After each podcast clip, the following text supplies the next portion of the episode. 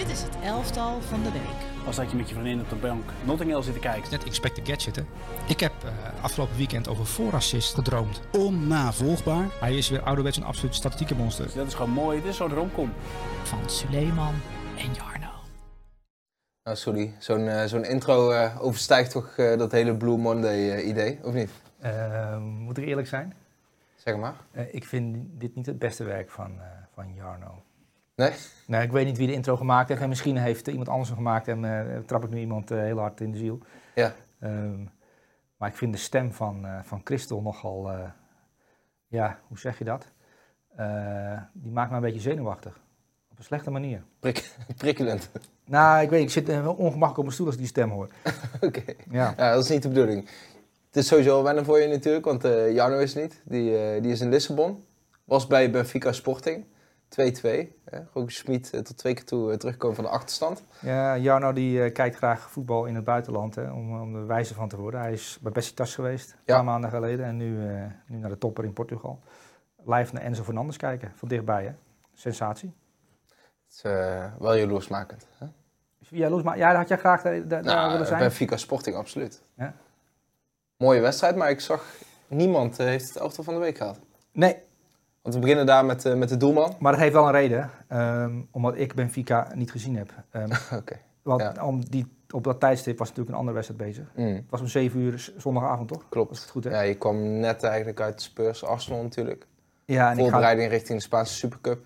Ja, dus ik heb, uh, ik heb die wedstrijd, ja, ik heb een flat gezien op Ziggo. Maar ik heb niet uh, serieus naar die eerst gekeken. En dan kan ik wel heel interessant gaan doen. Ja, en hier dat doe je niet graag.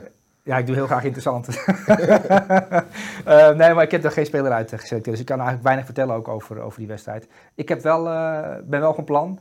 Want ik heb, uh, ik heb wat opgenomen. Dus, dus mocht het vanavond saai zijn. Mm. Snap ik bedoel. Um, thuis. Hè, ja. Gewoon denk ik van, ik heb tijd over. En, oh, je hebt die wedstrijd opgenomen? Ja, ja de wedstrijd ja, opgenomen. Ja, de wedstrijd opgenomen. En voor het geval dat, dan kan ik even kijken, weet je wel. Ja, ik snap het. Je hebt, uh, je hebt de doelman geselecteerd uit de zondagavondwedstrijd. Ja. Tottenham Arsenal. Nou, ik had eerst Emiliano, Emiliano Martinez ge, uh, genomineerd voor Aston mm. Villa. Die zag ik een geweldige redding. Geweldige redding daar bij die tweede Ja, had een geweldige redding. Ja. Echt zo'n uh, redding die ook op het WK een aantal keer zag. Heen in de ja. WK-finale die bal van Kolo Muani pakte. Ja. Met zijn linkerbeen. Nu pakt hij het met, aan de rechterkant met zijn mm. rechterbeen in de hand. maar ik heb Aaron Ramsdale en ik heb ook al een aantal doodsbedreigingen binnengekregen van Arsenal supporters die, die mij nooit meer serieus zouden nemen als ik Aaron Ramsdale niet genomineerd had. Hij was goed, hè? Maar ik had hem opgeschreven, dus... Uh... Ja, was goed. Ja, was geweldig. En ik, ik heb, we hebben natuurlijk ook weer statistieken van, uh, van Opta erbij. Ja. En dat vond ik wel leuk om te lezen, dat hij uh, Ramsdale voorkwam 2,55 expected goals op doel. Mm. terwijl hij een clean sheet hield. Dat is natuurlijk dat is opmerkelijk. Mm. Dus, nou, dus Spurs had normaal gesproken twee keer moeten scoren. Of tweeënhalf keer zelfs. Um, en hij speelde echt een geweldige wedstrijd. En één redding, een schot van Sessignon, dacht ik dat het was. Ik denk bij Son. Session die hem meegaf aan Son. In de eerste helft, toch? Nee, nee, ik, ik, heb het over een andere redding. Ik heb het over, volgens mij was het Sessignon die op doel schoot. En hij redde die met zijn punt van zijn linkerteen. Dat hij hem uit de verre hoek uh, tikt. Um, dat, maar uh, is ook een, een, schot van Son en uh, Kane twee keer. Um, dus ja, dat waren een aantal geweldige reddingen. Maar ook de uitstraling van de jongen. Mm. een beetje plagerig naar het publiek ook. Ja, wel mooi hè, want hij, hij genoot er wel van, vertelde hij. want Spurs-fans pakten hem natuurlijk aan tijdens de wedstrijd, zoals dat gaat in Engeland. Hè. Vaak uh, een soort opbouw als een doelman een uittrap neemt, dan ja. keihard klootzak roepen. Ja. En de afloop... Hè. Wel opmerkelijk, hè? het is in Engeland klootzak, het wordt klootzak wel, een beetje, wel een beetje met een Engels accent natuurlijk. Ja. Maar ehm, na afloop deed hij wat terug. Hij haalde eigenlijk zijn gram toen, toen ze hadden gewonnen. En hij zei, nou, de meesten reageerden daar prima op. Zoals het hoort bij een voetbalwedstrijd. Hè. Het is ook een beetje fun. Ja. Nou ja, was natuurlijk één uh, doorgedraaide idioot. Ja, en, uh, ja, en daar, ik moet wel zeggen, de manier waarop er in Engeland op wordt gereageerd, ook in de studio's, daar kun je lacherig over doen.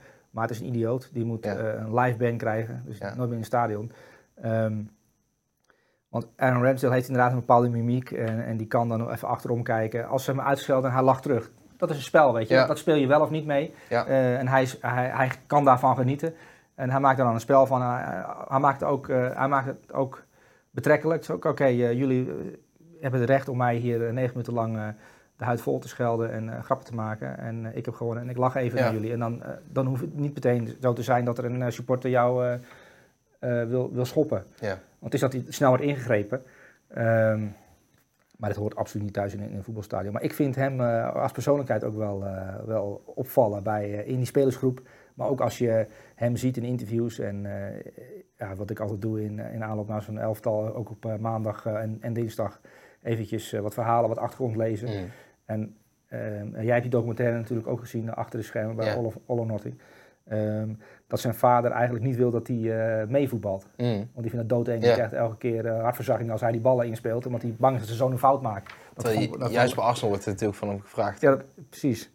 Eh, maar dit is wel een keeper die, ja, die, op, die kan van Sheffield over, United. En die gaat dan naar, naar Arsenal. Nu is hij 25 nu.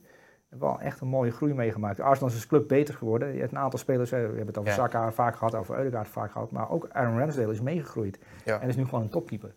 Eh, en relatief jong, kan goed meevoetballen. Ik vind het ook wel mooi hoe hij zich ontwikkeld heeft. Want eh, Sheffield United is nu natuurlijk niet bij uitstek de plek om je te ontwikkelen tot meevoetballende keeper. Nee. Dus dat tekent ook wel zijn eigenzinnigheid. Ja, en ook goed gezien van Arsenal. Mm. Ik Ben White weggehaald bij Leeds. En Aaron Ramsdale bij Sheffield United. Nou, Eudegaard is natuurlijk... Ja, daar hebben ze echt hun best voor moeten doen. Ja. Eh, maar ze hebben op een creatieve manier ook het elftal beter gemaakt. Ik denk niet dat er heel veel mensen waren eh, die, die heel erg blij werden van Aaron Ramsdale onder de Arsenal supporters. Sterker nog, in het begin was het zo van, ja, maar Ja. We, willen toch, we willen toch beter worden, waarom halen we hem? Is hij nou echt veel beter Ja. dan Leno? Ja, Leno, ik, ja. om eerlijk te zijn, ik dacht het ook toen ze hem haalden. Nou, maar ja, dat, Ja. dat zie je. Ja, Nee, maar dat is natuurlijk niet zo'n gekke gedachte ook. Omdat eh, Aaron Ramsdale, een keeper van eh, Sheffield United... Maar soms moet je daar doorheen kijken. En, Mm. en wat, waar is die jongen, jongen goed in? Past hij bij ons?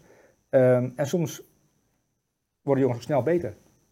Ik vond het ook wel mooi, moet ik zeggen, dat in Engeland, hè, als er dan zoiets eh triest eh, gebeurt, hoe daarop gereageerd wordt. Hè? Meteen keihard veroordelen, gewoon vanuit alle kanten. Ook omdat ze, eh, het mooie aan het Engels voetbal is natuurlijk ook dat het, de spelers zijn in zekere zin echt aanraakbaar. Ja. Weinig boarding, je netten. kunt dichtbij komen, alleen je hebt je te gedragen. Ja, ja zeker. Ja, dus, ja. Ik, ik, ik, heb, ik, ben, ik ben een keer bij eh, ehm, eh, eh, Brentford geweest. Ja. Brentford speelde toen nog in het vorige stadion. En... eh, Met die pubs op de hoek. Met die pubs, op, vier, ja, die vier cafés op de hoeken. En eh, één was gesloten die, die dag dat wij er waren met VI 92. Maar ik had mijn telefoon in mijn eh, eh, broekzak zitten. En we zaten op de allereerste rij tegen het veld aan. En eh, we zaten echt dicht op het veld. Ehm, zo, zo, zo dicht op het veld zit je eigenlijk nooit. En maar Br- Brentford in het oude stadion was echt nog... eh, weet je wel, de, lichtval was mooi, kwam naar binnen toe. Het was een beetje mistig, het regende een beetje. Eh, en ik wilde een foto maken. Dus ik pak mijn telefoon uit mijn zak en ik doe dit. Maar eh, er komt een bal van, dus ik schrik een beetje. Dus die telefoon die, die, die valt zo uit mijn handen, die valt zo op het veld. Want het was zo dichtbij was het. Dus ik dacht, oh nee, nu heb ik een live band, weet je wel. Nu, nu ben ik voor vijf jaar ben ik geschorst. Hey, kunt ook niet het veld op. Nou ja, ik moest, ik moest op mijn telefoon dus pakken. Dus Ja. heb ik heel met mijn hand eruit een telefoon van het veld gegist. Maar ik was echt doodsbang om, eh, ja, om door vier stewards Ja. uitgeflikkerd te worden. En dus de rest van de VI-92 niet meer in de buurt van stadions te mogen komen. Het is mooi, hè? Ook de gedachte, als je zou willen, zou, zou je zo het veld op kunnen Nou rijden. ja, je had Maar zo kent een de shirt aan kunnen doen. Je had consequenties. warming-up kunnen meedoen. Ja. En je had op een gegeven moment kunnen vragen van, Ja. ik moet erin. Je bent toen ook op Koeders Park geweest natuurlijk, hè? Een park, hè? Dat is ook mooi daar, als je daar langs het veld zit, de dat bolt, hè? Maar je ziet de overkant niet. Nee. Als je laag zit. Ja, want het loopt af richting Ja. de zijlijn. Ja, ik zat toen in de dugout van, eh, eh, de- de- gewoon waar Ronald Koeman eh, destijds zat. Je ziet niks. En, en als je daar zat, in die dugout, kon je de overkant, de lijnen, dus niet zien. Ja, Dus of een bal al uit of in is, dat kun je Ja. dan niet zien. ja. Dus zo'n ja, verschil in hoogte zit daar dus in. Heel, heel apart. Het cijfer eh, voor Ramsdale. Goed verhaal. ja, we moeten door. Eh, Aaron Ramsdale, een, een 9. Een 9? Oké. Je mag ook trouwens, eh, dat gun ik Jarno niet, maar jou wel. Je Ja. mag gewoon onderhandelen over de cijfers. Hè? We doen net of we een Turkse markt staan of een bazaar. Ja. Jij mag onderhandelen. Dus een 9 als jij wil, een 8,5 doen we een 8,5. Eh, ik ga hier nog mee, Oké. in de hoop eh, wat eh, krediet op te bouwen voor dadelijk. Oké. De verdediging, Hamari Traoré. Ja. De man die eh, zondagavond eh PSG pijn deed. Ja, ehm, ja, de rechtsback van, eh van Stad Rennais natuurlijk. Ehm, die, eh, ja, wat ik wel leuk vond, eh, hij- viel op omdat hij ook vaak de aanval zocht en, Mm. eh, en aansloot eh, bij, de, bij de aanvallers.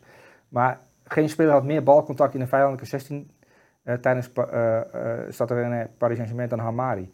Vijf keer, dat is wel opvallend. Ja. Maar er vielen maar wel meer spelers op bij, bij Stad hoe moet ik zeggen.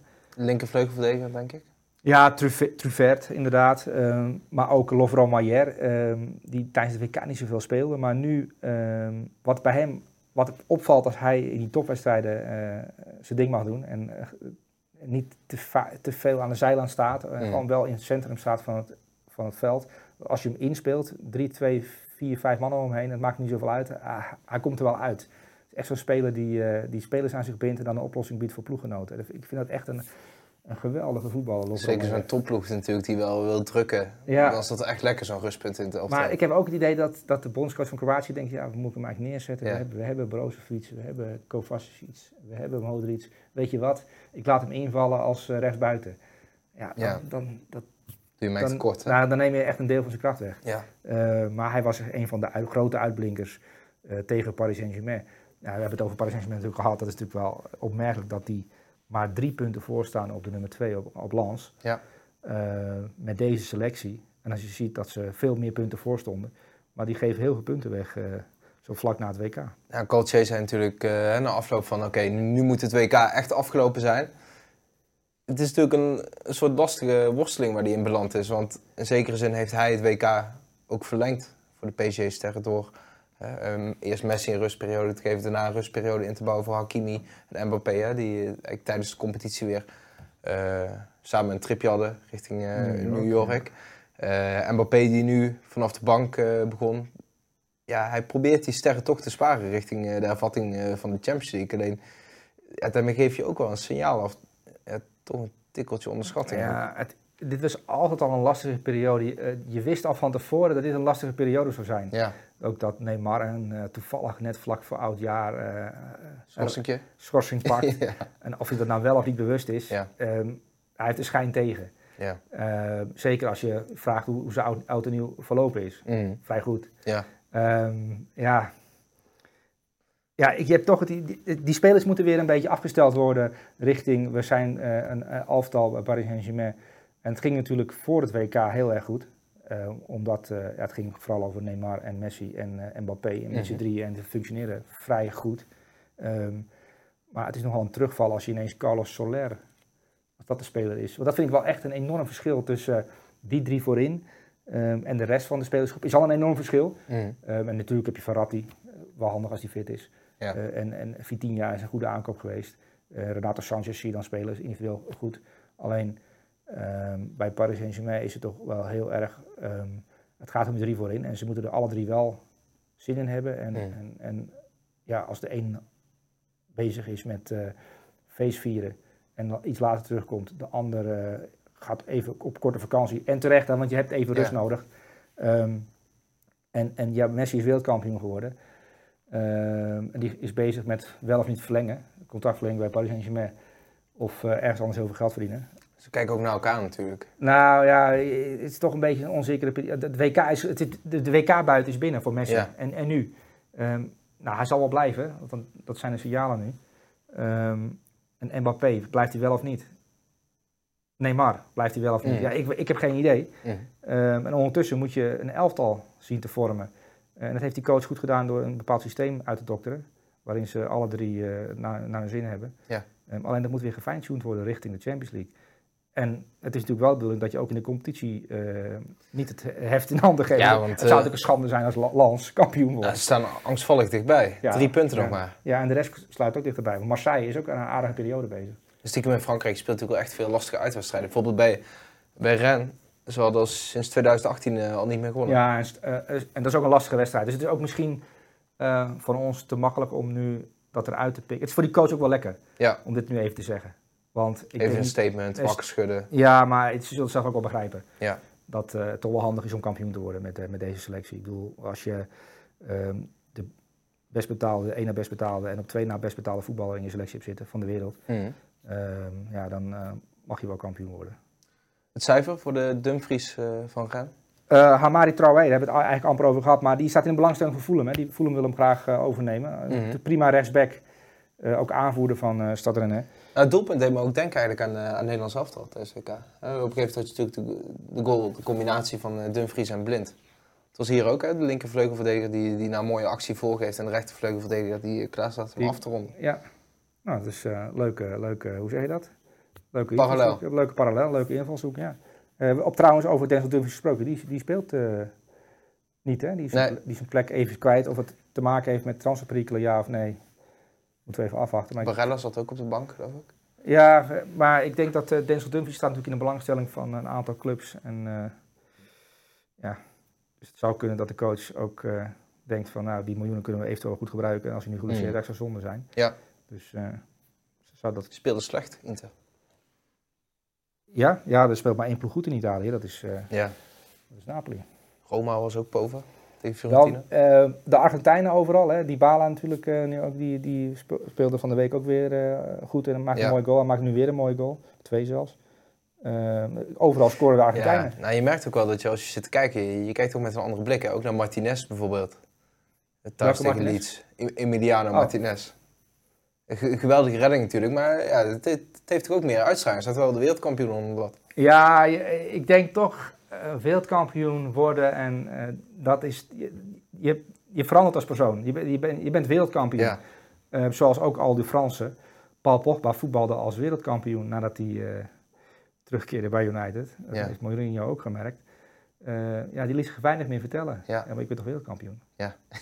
En eh, ja, die Argentijnen, die zijn, eh, ja, dat voetbal toch een stuk lekkerder als wereldkampioen. Want je, eigenlijk is de missie die je als vijf- zesjarige had, wereldkampioen worden. ja. Daar begin je, om die reden begin je met voetballen, denk ik. Mhm. Omdat je op tv hebt gezien dat je wereldkampioen kunt Ik worden. zeker als Argentijn. Nog wel meer dan als Nederlander. Ja? Denk ik wel. Ja, jij, ik weet jij niet. droomde vroeger van een, eh van een voetbal. Nou, iedereen heeft op straat gevoetbald. En, eh, en dan ging het toch op grote toernooien. Ja, je, ja, je droomt toch... Ik droomde altijd van een wereldtitel pakken. Ja, maar misschien ook dat ik... De, Ja. Ja. Ik dacht meer aan de Champions League. Maar goed, toen Ja? ik... In 2002 bijvoorbeeld waren we niet bij, het WK. Dus dat is ook anders. Toen ging ik, ik het echt beleven. Ja, dan, dan, dan zit je al naar Zuid-Korea te kijken. En Ja, Italië. ja, ja, wat toen op indruk op mij maakte was bijvoorbeeld eh, de goal van Zidane in de finale tegen Leverkusen. ja. Dat was in 2002 inderdaad, ja. Tegen- Ja, ja. op Hampton Park. Ja. ja, mooie wedstrijd. Ja. Maar goed, we gaan door. Het cijfer voor Traoré. Eh, een 8,5. Een 8,5. Dan gaan we naar eh, Max Kilman. Een, een voormalig zaalvoetbal international van Engeland. Die nu centraal achterin staat bij Wolves. Links centraal, ja. Ja, goede speler. Ja, ik, ik had het vorige week al met Jarno over Wolverhampton. En die hebben natuurlijk nu een nieuwe trainer, Julien Lopetegui. En wat me vorige week opviel en die week daarvoor ook al. En nu ook weer, dat ze hè, totaal anders voetballen dan in... in Wolverhampton was toch een goed georganiseerde ploeg. Mhm. Die snel was in de omschakeling. Vervelend om tegen te voetballen. Ja. En nu zie je ze vanaf minuut 1 van achteruit, inclusief de keeper, eh, opbouwen. En eh, wel echt op zijn Spaans opbouwen. Dus Mhm. het gaat echt vanuit de 16 meter richting de cornervlag en zo een soort breien. Ja. Ehm, en ja, Max Kilman is natuurlijk vrij goed in voetballen Mhm. als voormalig SAF, eh voetbal international. Maar het is gewoon een van zijn kwaliteiten die goed in de opbouw is, linksbenig. En dan speelt hij na- naast hem met Nathan Collins en die komt van Burnley. En toen die net doorbrak bij Burnley, dacht ik, oké, dat is wel een vrij goede voetballer. Mhm. Voor Engelse begrippen, weet je wel. Als je bij Burnley denkt, ja, ik kan goed kopen, maar ik kan ook redelijk goed voetballen. Eh, dus die hebben twee goede voetballers achterin staan. Eh, dan heb je ook nog Ruben Neves, die dan vaak als een derde man tussen die centrale verdedigers komt of naar links gaat. Dus dat speelt, en dan mogen, kunnen de backs opschuiven. Dus dat zit redelijk goed in elkaar met Lopetegui. Dan heb je wel controle. En Lopetegui is natuurlijk wel een trainer die van controle houdt. Hè. Bij Enorm, Sevilla ja. al heel erg op eh, balbezit georiënteerd. Ik had ook wel eens het idee dat hij het liefst, bij wijze van spreken, tien keer Oliver Torres opstelt. Hè. Ja. Gewoon lekker vaardig wegdraaien, rondpassen. Ja, kijk, het is natuurlijk als je in de Premier League de controle kan hebben over wedstrijden. In, in een competitie die vrij wild is en alle kanten op stuitert. En als je dan de controle kan hebben, dan kan het wel een kunst zijn om dat te hebben. Maar je moet uiteindelijk ook doelpunten maken. Mm. Anders, wordt het, anders leidt het tot niets en dan kun je ook degraderen. Dat is wel een probleem, dit seizoen bij Wolves. Ja, er moet, er moet meer gescoord Ja. worden. En dat was bij Brighton natuurlijk ook een tijdje een probleem, dat er niet gescoord werd. Maar die scoren nu wel heel vaak. Ja. Ehm, maar ik vind Wolverhampton, als je dat elftal bekijkt, en, ja, ik, zie echt geweldige spelers. Ik denk die Max Kilman, Mhm. linksbenige centrale verdediger van 25 jaar, die goed kan opbouwen. Eh, als ik Newcastle eh, United was en ik denk van ja, we hebben Sven Botman. Eh, maar deze is er ook wel heerlijk om erbij te hebben, Mhm. eh, bijvoorbeeld. Liggen goed in de markt natuurlijk, linksbenige strafverdedigers. Ja. Zijn er niet veel, alle toptrainers willen er een.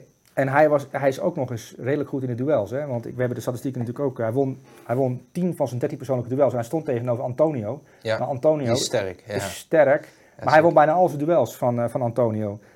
Ehm acht uitverdedigende acties. Dus hij is ook goed in, in verdedigen zelf. Hè. Gewoon het vak verdedigen, daar is hij goed in. En, maar hij- hij is ook goed in de opbouw. Mhm. Dus het is een zeer interessante speler voor, eh, voor een aantal topclubs. Eh, vermoed ik. Dus ik denk dat Max Kilman nog wel een stap kan gaan maken. Mocht hij dit niveau vasthouden. Want ik vond hem echt heel goed spelen tegen, tegen West Ham. Het cijfer voor Kilman. Een 9. Een 9. Mooi cijfer. Ja. Gaan we door naar een andere Ik voel me linksbenige... net eh, een leraar die wordt gecontroleerd. Of, Ja? Of, ja, ja, of, of je mijn eh, cijfers een beetje gaat controleren. Ik ben benieuwd wanneer het, wanneer het cijfer gaat veranderen. Ik wil je niet intimideren of zo. Nee, nee, nee, nee. nee, nee. Nee, ja, er komt eigenlijk wel een moment natuurlijk een keer dat ik eh Ja. een eigen sausje eroverheen moet gooien. Ja, ga vooral je gang. We gaan door naar eh, een andere linksbenige centrale verdediger. Ja, Die eh, thuis won eh, van Fulham. Want, ik vond het een heerlijke wedstrijd. Hè. Het leek mis te gaan voor Newcastle natuurlijk. Uitgerekend Mitrovic, hè, de voormalige spits van ze. Die, die dan die strafschop benut. En dat op zo'n manier doet ja, dat het onrechtmatig is. ja, ja hij had zelf niet door waarom hij Nee. afgekeurd werd. Maar toen vertelde de scheidsrechter van ja, je hebt de bal twee keer aangeraakt. En je, Ja. je, je zag echt aan van oh, wat een oliedomme actie van mij. Van Ja. mij.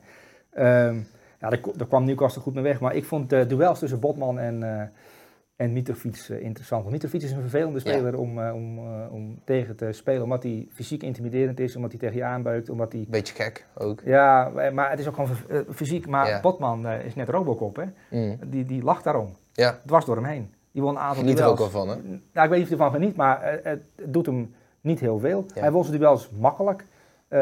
Mitrovic kwam bijna niet in de wedstrijd, ook omdat Cher ook goed speelde. Mm. Eh, maar die defensie van Newcastle met Trippier, of Trippier, hoe noem jij hem? Tripje. Trippier. Aan de rechterkant die dan opschuift dan Dan Burn eh, als, ja, als- aan de linkerkant. De, links, de langste linksback ter wereld. Ja, denk ik wel. Ja. Ja. Ehm, Wel soepel in de heup. maar als je gaat kijken, Dan Burn, Sven Botman, Fabian Scher en Kieran Trippier. Ja. Als je die vier, ja, dat kan geen goede verdediging zijn. Nee. De langste linksback ter wereld. Sven Botman, die van Lille is overgekomen. Ja. En Fabian Scher, weet je wel, zo, zo- Ja. altijd zo'n onderschatte verdediger. Mm. Maar die kan best goed voetballen trouwens. Sterker nog, het is de beste voetballer achterin bij, eh, bij Newcastle United. Ja. Van, opbouwtechnisch gezien, want Kieran Trippier is natuurlijk de spelmaker vanaf die rechtsback-positie. maar het zit redelijk goed in elkaar. En ook eh, Nick Pope erachter natuurlijk. Nick Scheelt ook veel. ja. Ehm, maar ook de middenvelders. Nu was het met eh Sean Longstaff en ehm, Bruno Guimaraes natuurlijk, Ja. die helaas geblesseerd geraakt is. Willock, een, vaak in een belangrijke rol Ja. daar, een beetje als de loper. Maar Sven Botman, die is in een aantal dingen goed. Maar wat mij eh, opviel in die wedstrijd en wat ook uit de statistieken kwam, of blijkt, is dat hij ehm eh, tien passes richting het aanvallende derde sturen. Dus passes, eh, linie overslaan, eh pa- paas richting de zone waar het om gaat. En dat die ballen ook aankwamen. Dus zuiverheid van, van achteruit. Dat hij actief op zoek gaat naar een oplossing naar voren. Dat zag je heel duidelijk bij, eh, bij Sven Botman. En daar wordt, wordt hij steeds beter in. Dus het wordt echt een, complete allround verdediger die goed is in het uitschakelen van Mitrovic, want dat deed hij echt goed. Ehm, die vaak goed staat. De, de organisatie klopt ook. Eh, het is nog niet een leider zoals Van Dijk dat eh, is, die, die, die, die echt defensie kan neerzetten. Ehm, maar ik vind dat hij echt enorme stappen maakt. En heel snel ook bij, bij Newcastle United. Past heel goed in het elftal ook. Hè. Ik moet zeggen Ja. dat Newcastle de groei van, van het team gewoon... Hè, weinig gekke transfers gedaan. Iedere, iedere speler die ze halen past ook echt binnen het geheel. Ja, Dan Burn bijvoorbeeld, hè, die, die- vlak nadat het grote geld er kwam... eh namen ze hem over van, eh, van Brighton, een jongen uit de omgeving van eh, Newcastle. Ja, het is niet de meest eh, sexy linksback om, eh, om te halen. Hè? Dan Burn, die, die had niet vaak de achterlijn. Eh, ja, nee, sec, ja ik, heb, ik, ik heb toevallig vorige week een filmpje van hem gezien waarin hij, eh, waarin hij eh, Met het dansje. met het dansje. En ik, weet, ik denk wel dat een aantal mensen daar toch wel om van onder de indruk raakt. Als je dat in een nachtclub ziet, twee meter lange Ja. vent die Ja. zo soepel in de heup is. Ja, Dat trekt wel aan hoor. het valt in ieder geval op. Ja, nou, het valt op, maar het trekt ook aan. Ik bedoel, maar, maar goed, eh, ehm, Nee, maar dat wat van tevoren, een jaar geleden, als je ziet waar Newcastle stond, onderaan, eh, kansloos eigenlijk. Ja, denk, ja, die gaan, die, die gaan degraderen. Die hebben een Saudische eigenaar, veel te veel geld. Die gaan allerlei gekke transfers doen. Dat was ook toen in die Engelse kranten natuurlijk. Gaan, gaan ze Neymar halen, eh, Mbappé, eh, dat soort namen werden natuurlijk Ja. genoemd. Eh, omdat het geld daar eh, voorhanden is. Maar eh, ja, ze hebben een trainer, Eddie Howe, eh, binnengehaald. En ja, dat is een bepaald soort manager die op een bepaalde manier werkt. eh, die natuurlijk Bournemouth van de grond af, af, van de grond af aan heeft opgebouwd. Eh, ja, die, die, is het, die is nu bezig met een heel andere uh, uitdaging. Dat is een topclub opbouwen. Mm. Ik bedoel, een Premier League club opbouwen vanuit, vanuit de League 2 is knap. En nu moet hij een Premier League club uitbouwen tot een topclub die mee kan doen met City, met Liverpool. Uh, en dat doe je op deze manier. En langzaamaan omhoog. Dat doe je dus met Sven Botman in plaats van een verdediger halen die... Uh, je kan ook Sergio Ramos kunnen halen. Ja, nee, precies. Dat bijvoorbeeld, als je kijkt, uh, Marcel Brands bij Everton. Als je ziet wat Everton de laatste ja. acht jaar heeft uitgegeven. Uh, je schrikt je rot. Ja. Dat is echt ongelooflijk. Die hadden eigenlijk al lang de aansluiting moeten vinden. Of in ieder geval de, de zevende club van Engeland ja. moeten worden. Maar het transferbeleid was niet creatief. Vaak pakt ze een beetje de overblijfsels. Uh, vanuit de top, hè? André Gomez, Jerry Mina, uh, Lucas Digne. Allemaal jongens die eigenlijk met de Barcelona-salaris richting de Premier League worden ja. gehaald. Walcott, Iwobi, die bij Arsenal tekort kwamen. Er zat weinig creativiteit in. Sigurdsson, jongens eigenlijk die afdaalden in hun carrière. Ja. ja, kijk, Everton is het voorbeeld van een Premier, Premier Club die is overgenomen door een eigenaar die, die, die heel veel geld heeft. Um, maar ook vindt dat als je heel veel geld hebt, mag je ook iets vinden. Mm. En uh, ja, dan is Marcel Brands daar, was de directeur natuurlijk voetbalzaken. Uh, en die heeft natuurlijk ook in VI wel eens verteld van ja, dan ben je maanden bezig met, met, een, met een bepaalde transfer, met een, bepaalde, met een bepaald salaris. Ja, die onderhandelingen. Is Ancelotti is trainer en die wil graag een speler hebben. En Rodriguez komt er. Zegt de voorzitter, weet je wel, 200.000 euro. Ja. Um, en dan, ja, dat, dat is natuurlijk zo ontwrichtend. Want dan sta je daar als directeur voetbalzaken. Ja, ja maar hij verdient 200.000 euro. Ja. En ik dan uh, train, uh, trainer of ja. directeur. Mijn speler dan. Ja, de zaakwaarnemers gaan direct bellen. Ja. Um, dus het is, dat, op die manier kun je geen club leiden. En dat moet op een, op een verantwoorde, gezonde manier. En dat zie je ook bij Arsenal. Ja. Mudrik 100.000 euro aanbieden. En ja, ja. Uh, Chelsea biedt hem 200.000 euro. Ja, dan is hij voor jullie. Want dat gaan wij, niet, gaan wij niet doen. En het mooie is, gek genoeg, ik denk als je het goed uitlegt en je bent, bent consistent, dat de sporters er nog begrip voor hebben ook. Ik denk dat de Arsenal sporters nog blij zijn ook dat ze Achteraf, de strijd om Moedrik hebben verloren. Achteraf wel, want als, dit is, als een speler uh, in staat is om vier maanden lang naar, naar te luisteren en, en, en denkt van ja, hier zie ik mijzelf wel voetballen. Dit is een mooie club. Maar ja, kijk, ik heb makkelijk praten en jij ook. Het is een jongen die natuurlijk uh, drie of 4.000 euro per maand verdiende bij Shakhtar. Um, ja, en nu 200.000 euro in de week in Londen, bij Chelsea. Ja, dat is nogal, uh, dat is nogal een salarisverhoging. Ja. En, en natuurlijk is 100.000 ook een mooi bedrag. En uh, aan de linkerkant bij Arsenal kun je concurreren met Martinelli.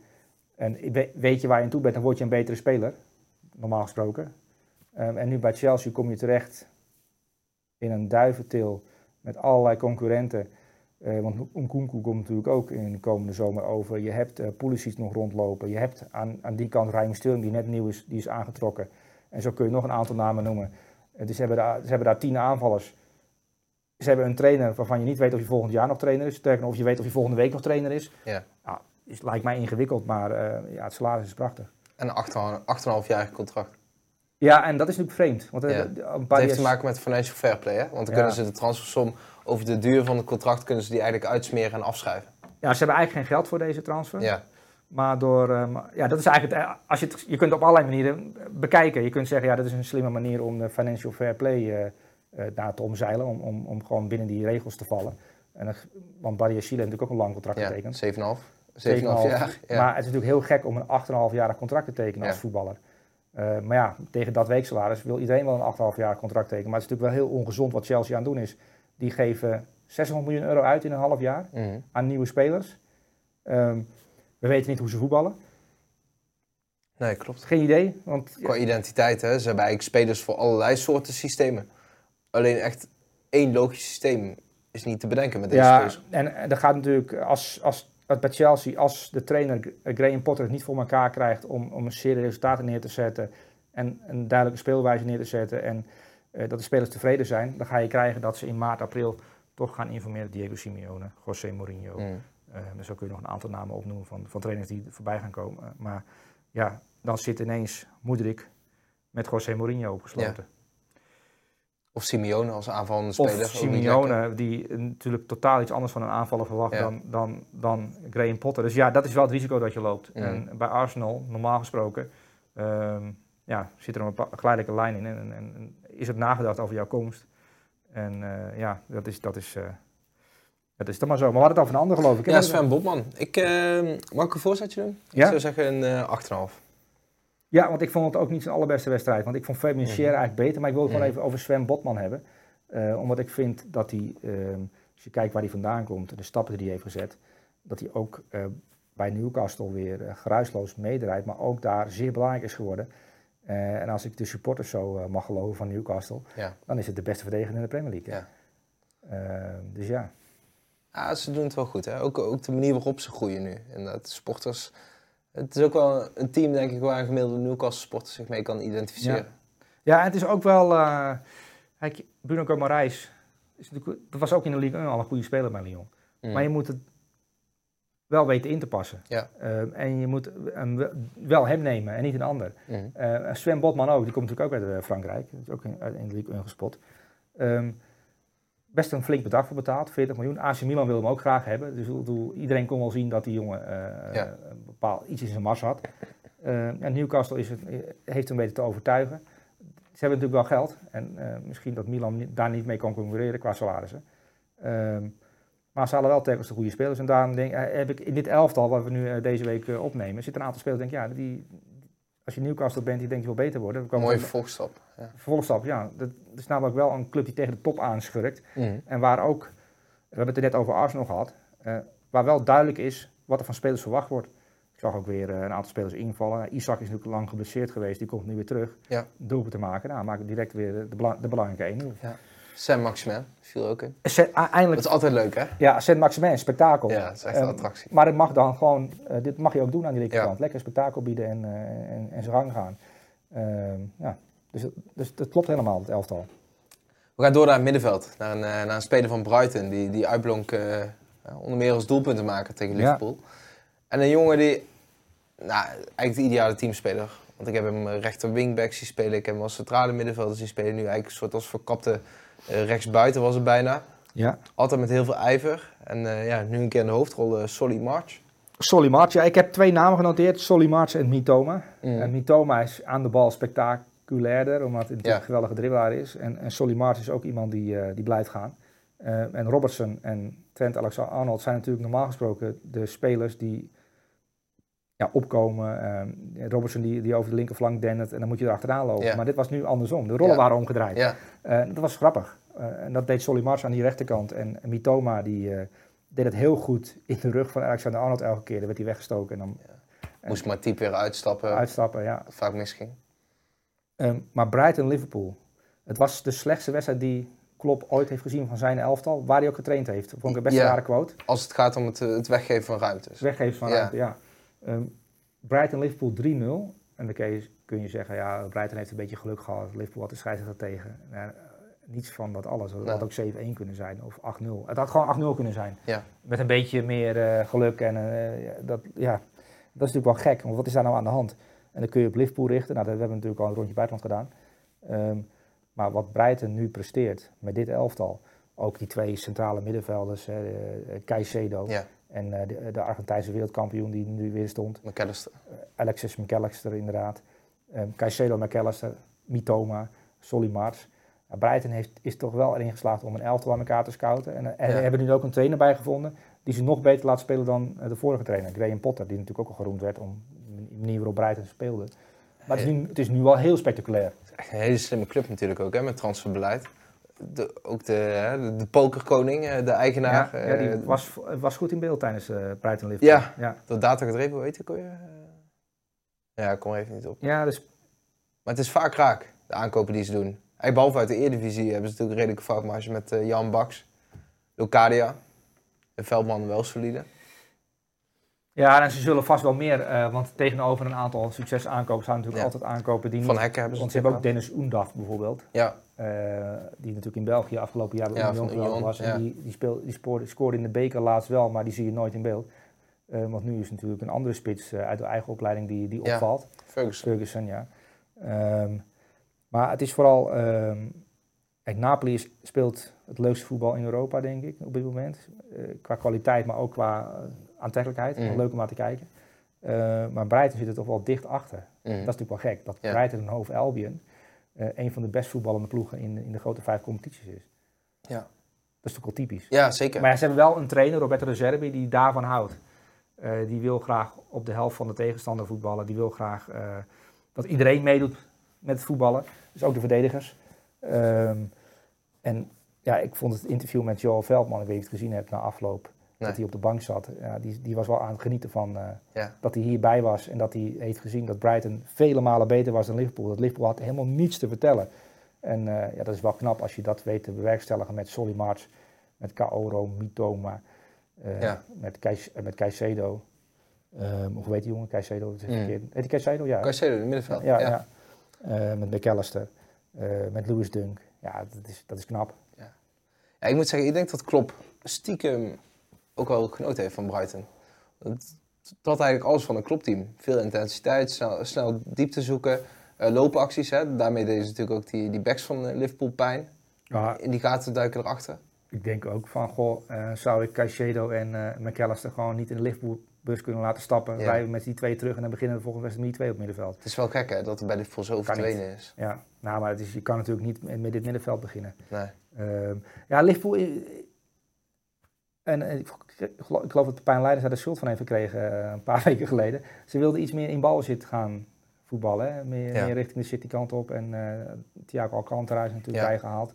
Ehm, maar wat Liverpool, Liverpool maakte onder Klopp, dat is een beetje verdwenen. Dat ze, dat ze, ja, een soort wervelwind is die, eh, Mhm. die, do- die, die tegen de bal voetbalt. Uh, gegenpressing, weet je wel. dat, dat idee. Het is nu, ja, je sta, ze staan erbij en kijken daarna hoe de tegenstander ja, voorbij rent eigenlijk. Ik denk ook voor, voor tegenstanders. Hè. Voorheen als je tegen Liverpool speelde, dan maakte hij maar twee keer per seizoen, drie keer per seizoen mee. Dat je een tegenstander trof met zoveel intensiteit, tegen wie je zo, weinig tijd aan de bal kreeg. Ja, En nu, Liverpool speelt eigenlijk meer, nou, zoals zoveel, eh, topteams. ja en, en je hebt natuurlijk al een periode gehad dat bijvoorbeeld Liverpool speelde dan tegen eh, Salzburg in de, in de Red Bull Salzburg of Red Bull Leipzig in de Champions League. En dan had je van tevoren van nou, kunnen die intensiteit van die club, Ja. maar dat, dat konden zij gewoon aan. Want ze, zij waren nog intenser. Ja. Maar dat is helemaal weg. Dat, nou, niet helemaal weggevallen. Dat, dat is weggevallen. Ja, Dat is geven wat jij zei terecht. eh, ja, het is zo- zoveel ruimte. Het is te makkelijk om tegen Liverpool te voetballen. ja. Als je ze de goals die ze weggeven. Alison Becker is dan een van de beste doelmannen ter wereld. Eh, maar die moet bijna elke wedstrijd nu een balletje net halen. En vaak de 1-0. ja. Eh, ik, ik weet, het is gevaarlijk om te zeggen hè, dat, dat het met mentaliteit te maken heeft. Het voelt altijd te makkelijk. Maar ook de wijze waarop Liverpool verdedigt, oogt vaak toch blasé. En het is nu wel bij zoveel tegengoals geweest dit seizoen, ja, dat het ook lastig te negeren is, dat gevoel. Als je bijvoorbeeld ziet, eh, een Alexander Arnold die uitgespeeld wordt, maar dan ook heel weinig moeite doet om nog een lopende middenvelder op te vangen. Eh, Van Dijk heeft natuurlijk ook wel eh behoorlijk wat van die momenten gehad. Dit. Ja, ik, dat is wel interessant. Want ik, als Pieter erbij zat, dan Pieter wordt altijd boos van Ja. deze discussies. Ja. Ehm, kijk, Trent Alexander-Arnold zat met een bepaald idee in het veld. Hij stond, iets, hij stond tegen Brighton iets hoger op het veld. ehm, om inderdaad eh, in zijn kracht te komen. Dus Ja. niet, niet als rechtsback tegenover Mito, maar iets hoger. Ehm, ik las een interview met de Zerbi na afloop van de wedstrijd tegen Liverpool. En die vertelde erover dat in aanloop naar de wedstrijd tegen Liverpool hadden ze het idee doorgenomen dat Trent Alexander-Arnold hoger op het veld zou komen te spelen. Wat zijn spelers dan moesten doen. En hij wil niet tijdens de wedstrijd, net zoals Conte, als een soort van eh sergeant gaan schreeuwen wat de spelers moeten doen. Ze moeten zelf kunnen nadenken. Maar hij biedt ze wel opties tijdens de week van dit, kunnen, dit kan er gebeuren. Ze moeten zelf leren nadenken, in het veld oplossingen zien. Het elftal moet eigenlijk een elftal van oplossingen worden. Continu. Oké, aanpassen. Het is niet 3 tegen 2 op het middenveld. Eh, dat moeten we veranderen. Anders worden we weggespeeld. Spelers moeten erover leren nadenken. Ehm Trent Alexander-Arnold speelde tegen, eh, tegen Brighton iets hoger. Oké, hoe kunnen we dat eh, oplossen? Nou, die ruimtes achter eh Alexander-Arnold Ja. aan te vallen. Zodat Alexander-Arnold denkt van, jee, wat gebeurt hier? Dus die lijkt dan een soort hul- hulpeloze rechtsback die niet weet wat hij aan het doen is. Ja. Maar de taak van Alexander-Arnold was juist om hoger te spelen. Ja. Het ligt dus aan de trainer. Dus je moet En Matip wordt uit, het centrum getrokken. dus het ziet er heel chaotisch uit. Dus het gaat erom dat Liverpool is niet voorbereid op dit Brighton. Niet goed genoeg. Ja. Dus Klopp moet in de spiegel kijken en ik ben niet goed genoeg. Mm. Dus er moet wat veranderen. Mhm. Dus het ligt aan de trainer, altijd. Denk je dat het nog kan? Na zo'n lange periode? om... eh, als je een goede trainer bent, wel. Ja. Dan moet het oplossen. Laat maar zien dat je toptrainer bent. Je, be- je bent niet alleen een toptrainer in goede tijden, maar ook in slechte tijden zoals deze. Het is nu januari. Je kunt er tien spelers bijhalen, maar dat geld is er niet, volgens Klopp.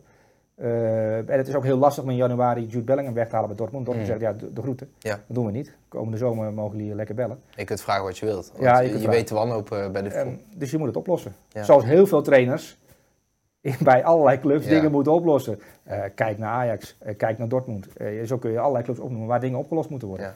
Ja. Je kunt natuurlijk niet zeggen dat, dat Brighton een 1 op 1 betere spelers heeft. Solly March eh, zou bij Liverpool niet eh, van de bank afkomen. Normaal gesproken niet, nee. Nee.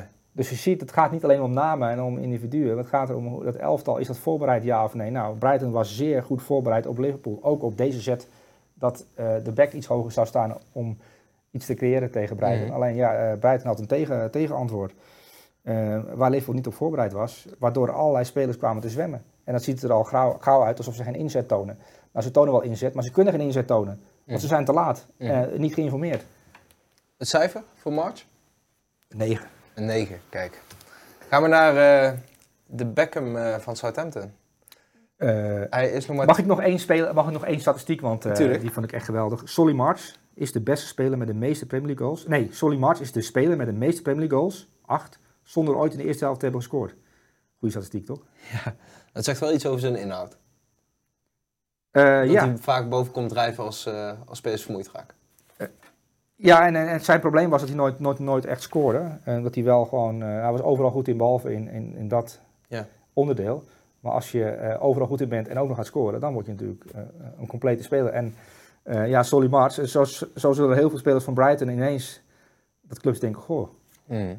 Caicedo willen we hebben. McAllis is natuurlijk in trek. het hele elftal is in trek bij... er gaat straks nog een miljoenenbod komen op Joe Veldman gewoon, hè? Ja. Gewoon een geweldige reserve is dat. ja, maar ik denk dat ze bij Brighton ook zo slim zijn dat ze weten van oké, die jongen die floreert in ons systeem. Maar als we dit een bedrag voor, ja, voor natuurlijk. krijgen, dan kunnen we het wel opvangen. Bij Brentford vertelden ze dat wel eens. Hè? Dat, die zijn heel goed in het verkopen van, eh, van spitsen natuurlijk. Hè? Ollie Watkins eh, voor veel geld eh, naar Villa gegaan. Maupay voor veel geld aan Brighton verkocht. Alleen ja, dat ook wel uit statistieken bleek dat heel veel... Hè, de doelpuntstatistieken van de jongens hadden ook, had ook wel heel veel te maken gewoon met, met de hoeveelheid kansen die gecreëerd werd. Ja. Dat ze het ook wel relatief makkelijk zouden kunnen opvangen. Ja. ja, en het is ook wel... ehm, ze hebben natuurlijk Caicedo eh gescout. Eh, en de volgende Caicedo hebben ze ook al gescout. Ja. Ja, dat is natuurlijk ook hoe zo'n club werkt. Mhm. Ehm, maar de Serbi, die wil heel graag Europees voetbal halen. Voor het eerst met Brighton in de clubgeschiedenis. Ze willen Ja. een unieke prestatie neerzetten. Ja. Dat is natuurlijk ook wel leuk. En ook wel gevaarlijk in de Premier League meteen. Want je ziet vaak Ja. die teams die, die niet gewend zijn om in Europa te spelen. Kijk West Ham nu. Ja, Het zakt ook weer helemaal weg. ja dat is ook helemaal... eh, ja, de, de, de Premier League strijd, of onderin, daar, gaan, daar moeten we nog wel... eh ja, dat wordt echt razend spannend. Omdat er clubs staan die, die, ja, die horen helemaal niet in de Championship thuis. Maar Southampton, Everton, ja, ehm, dat zijn clubs die, eh, die zomaar kunnen afzakken. We gaan, eh, we gaan door naar Southampton. Ja, James Ward-Prowse. Hij maakte zijn zestiende doelpunt uit een directe vrije trap in de Premier League. ja, Alleen David Beckham heeft eh, vaker uit de vrije trap gescoord in de Premier League. Die staat nog twee goals eh, voor. wel bijzonder. Hè? Dat Ja. David Beckham is de vrije trappenkoning in de Premier League. Hè? Die heeft er 18 gemaakt. En nu James Ward-Prowse, wat jij 16 zei je? Ja. Dus nog twee vrije trappen en hij evenaart zijn jeugdidool. Mooi hè? Ja, Ja, ja mooi is- specialisme. Echt goede vrije trap. Ja, hij heeft fantastische trappen. Hij neemt natuurlijk ook heel veel de, de, de, de corners en zo. Ja. En, eh, eh, ja, dit is een speler, we hadden het net over Newcastle United. Ehm, kijk, je moet niet aan lijkenpikkerij misschien doen. Ehm, maar mocht Southampton eh, de- degraderen, Ja. ehm, dan zou ik eh, als eerste deze speler ophalen. Want daar heb je echt heel veel aan. Het is een aanvoerder, het is een leider ook. Een geweldige trap. Ehm, dan kun je nog kiezen uit Trippier en eh, James Ward-Prowse. Dat is helemaal lastig Ja. voor een keeper. Ja. Ehm, en je voegt wel kwaliteit toe aan, een, aan een elftal. Want ik vind hem bij Southampton echt van de bovencategorie. En ook in deze wedstrijd weer. ehm, is hij degene die ervoor zorgt dat, eh, dat Southampton toch eh, ja, nog enigszins kans maakt om erin te blijven. Hij is al meer dan een vrije trapspecialist. hè. Ook dynamisch. Natuurlijk ook het eerste Ja. doelpunt. Op het juiste moment weer in de 16. Ja. ja, hij is een geweldige speler. En een goal en een vrije trap, eh, winnen bij Everton. En, eh, en ja, ook de kleine dingen goed doen. Het is echt een geweldige speler dit. eh, om, om, om- ja, voor Newcastle lijkt me een geweldige speler. Maar ook voor Tottenham bijvoorbeeld. Het is ook wel leuk om naar te kijken met z'n. Laatst zag ik een interview bij hem, eh, of met hem bij Sky Sports. Hè. Daarin vertelde hij eigenlijk het hele proces bij een vrije trap. Ja. Kijken naar de muur, de bal goed neerleggen, eh, afstand tot de keeper inschatten, de aanloop. Overal is over nagedacht. Ja. En het is echt geperfectioneerd. Hè? Ook met beelden van uh, Beckham bijvoorbeeld. Traptechniek lijkt er ook wel een beetje op. Ja. ja, hij heeft een hele merkwaardige, nou niet merkwaardige, hij heeft een hele authentieke eigenlijk uh, aanloop. En er zit een bepaalde kromming in zijn hele lijf. En ja. ja dat, is, dat, is, training. Dat kun je, als wij dat gaan nadoen, dan, dan zouden we iets kunnen afscheuren. Mm. omdat we ja, die beweging Ja, vaak, het standbeen gaat zo, zo scheef staan. Ja, ja, ja, hij slingert zich echt tegen de bal aan, zoals Beckham dat ook deed. Dat is een bepaalde techniek. Uh, om, die, om, ja, om, die, om die krul erin te krijgen, om de snelheid erin te krijgen, om de daling erin te krijgen. En, uh, ja, en dat, zie, dat heb je, Messi heeft er ook jarenlang op, op getraind. En er zijn wel meer spelers die erop getraind hebben, maar ja, dat kun je perfectioneren. Dus ja, je kunt je lichaam daarin conditioneren en dat, dat heeft hij gedaan. Ja, dat is echt een, ja, dit is een, een specialist. En dat is wel leuk om, om, om te zien. En dat, ja, ik, ik hoop voor hem dat hij nog dit seizoen dat record kan breken. Dat zou ook fantastisch zijn. Zien we eigenlijk niet veel te weinig van dit soort specialisten? Als je bijvoorbeeld bij Chelsea hebben we ook jarenlang David Luiz uh, die vrije trappen zien nemen. Vond je dat een specialist? ja, dat vond ik echt verschrikkelijk. Ja? En met zo'n rechte aanlopen dan, zo'n zo, zo rare wreeftrap met een soort curve, weet je wel. Ja, dat is Ja, wat dan twee keer per seizoen lukt. Ja. Maar vaker eindigt de bal ergens op de tweede ring. Ja. Ja, James Ward-Prowse is echt goed in vrije trappen nemen. En ja. uh, uh, jongens die een lange aanloop nemen en dat hij twee keer per jaar erin gaat. Dat vind ik nog wel veel, twee keer per jaar trouwens. Ja. Maar, uh, dit is wel echt een, een, een, een jongen die, uh, die ja, ik vind het wel leuk dat jij zegt dat hij vaak naar David Beckham heeft gekeken. Maar dat zie je ook wel terug. Ja. ja.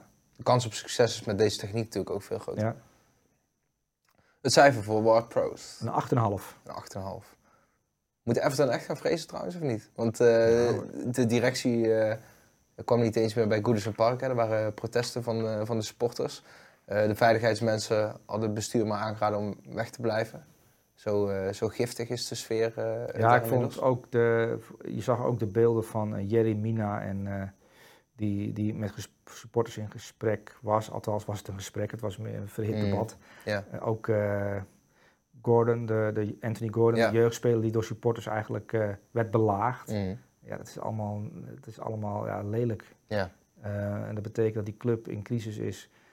Ehm, ja, Frank Lampert, is dat een goede trainer, ja of nee? Dat is de vraag. Ja. Die krijgt dit niet helemaal op de rit, want het is natuurlijk wel vreemd. Maar bij Everton moet je verder teruggaan. En daar zit een voorzitter. Ja, het kan niet zo zijn dat, dat, dat een aantal spelers door de voorzitter worden gehaald, een aantal door de algemene directeur, een aantal door de trainer. En dat dan... Cam Wright, hè, Moshiri. Ja, dat gaat nergens over. Nee. Dus dit is een club uh, zonder echt, goed, echt goede leiding. Goed, uh, wat willen wij? Er moet een goede trainer worden aangesteld, maar dan moet er boven er ook een goede directeur zitten. Maar ja, dan heb je ook zo'n moeilijke voorzitter die, uh, die in een veel te dure auto loopt en, en uh, andere dingen doet die, die allemaal veel te duur zijn. Maar ja, hij kan het allemaal betalen. Dus niemand die zegt van, hé, hey, doe eens normaal joh. Het is terug. En nu in het havengebied van Liverpool een nieuw, nieuw stadion aanbouwen. Toen uh, Moshiri kwam, wilde hij van het het noordwesten van Engeland het Hollywood van, van het voetbal maken. Ancelotti moest komen, allemaal grote namen. Koeman paste daar natuurlijk ook wel in die lijn. Ja. En dan daar richting Championship. Ja, het is niet de eerste club die dat overkomt. En als je dan ziet het succes van Brentford, ja. Dat ze wedstrijden blijft winnen. Um, en Brighton en dat soort clubs die wel komen bovendrijven. Die ander beleid voeren dan het, het Hollywood-beleid van, van de Everton. Dat, eh, waar een dromer aan, aan de macht is. Mm. Die uh, op zijn manier bedrijf heeft opgebouwd. En denkt, dat kan je bij voetbalclub ook doen. Ik bepaal, ik ben hier de baas. Het is mijn geld. Als ik 200.000 euro wil betalen aan de speler, doe ik dat. Ja, oké, succes. Daar worden die sports natuurlijk gek van. Ja, ja, het is zonde, want Everton is een mooie historische club. Ja. En uh, ja, ik denk dat ze bij Liverpool natuurlijk uh, zich doodlachen als Everton degradeert. Ja. ja. Maar er is maar één redder hè, bij Everton. En die zit bij West Ham natuurlijk nu op de bank. Moois. Moois. Want die heeft die club jarenlang uh, vijfde laten eindigen zonder geld uit te ah, geven. Toen was het ook nog een leuk... Uh, leuk ik moest laatst aan uh, Tony Hibbert, denk ik. Tony Hibbert? De, de oude rechtsback. Die scoorde toen... Na 350 wedstrijden in het eerste van Everton scoorde hij toen voor het eerst. Met een verrichting veranderde vrije trap. volgens mij in de volgende van de Europa League of zo. Nou, het publiek werd gek. Ik vind het wel bijzonder. Jij moest gewoon zomaar aan Tony Hibbert denken. Nou, mijn vader vroeg, hoe heet die, hoe heet die linksback ook weer van Everton met dat Beatles kapsel? Het ging over Baines. Het ging ah, een beetje Leighton Baines, ja. dat is ook echt een clubjongen. Ja, Leighton Baines en Tony Hibbert. Mooie tijden. Ja. We gaan door op het middenveld. Uh, James Ward-Prowse, uh, je gaf hem een 8,5. Ja. Gaan we door naar Koopmeiners. Ik had ook Bruno Fernandes uh, genoteerd, maar omdat we natuurlijk een rondje al heel veel over United hebben gehad. Maar die vind ik, dat vind ik een speler die ook wel past bij, dit United nu. Dan kun je Mm. je rechtsbuiten laten spelen, in een aanvallende rol laten spelen. En dan kun je mee switchen tijdens een wedstrijd. Dan haal je hem van de flank af en dan breng je een extra vleugelaanvaller in. Ja. Het is wel eh, een intelligente jongen. Zo intelligent dat hij achter de ballen van Rashford aangaat. Nou ja, precies. Ja. Om verwarring te zijn. Ja. Koopmeiners, zijn team eh, scoorde acht keer. Dit, dit, dit is wel een goede. eh, Dit is, eh, ja, dat is een draai. Ja.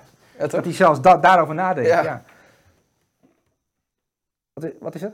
En we gaan naar Bergamo. Oh, we gaan naar Bergamo. Ja, ja, ja, ja. Ja. spektakel. Teun Koopmeiners, Ja. Doelpuntenregen.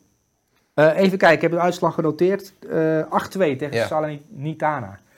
Tegen Ochoa. Ja. Die nog een strafschop pakte van Koopmeiners. Ja, en, en die heel veel ballen pakte, anders was het 11-2 Ja. Ja, het is niet makkelijk om erachter te maken tegen Guillermo Ochoa. Mhm.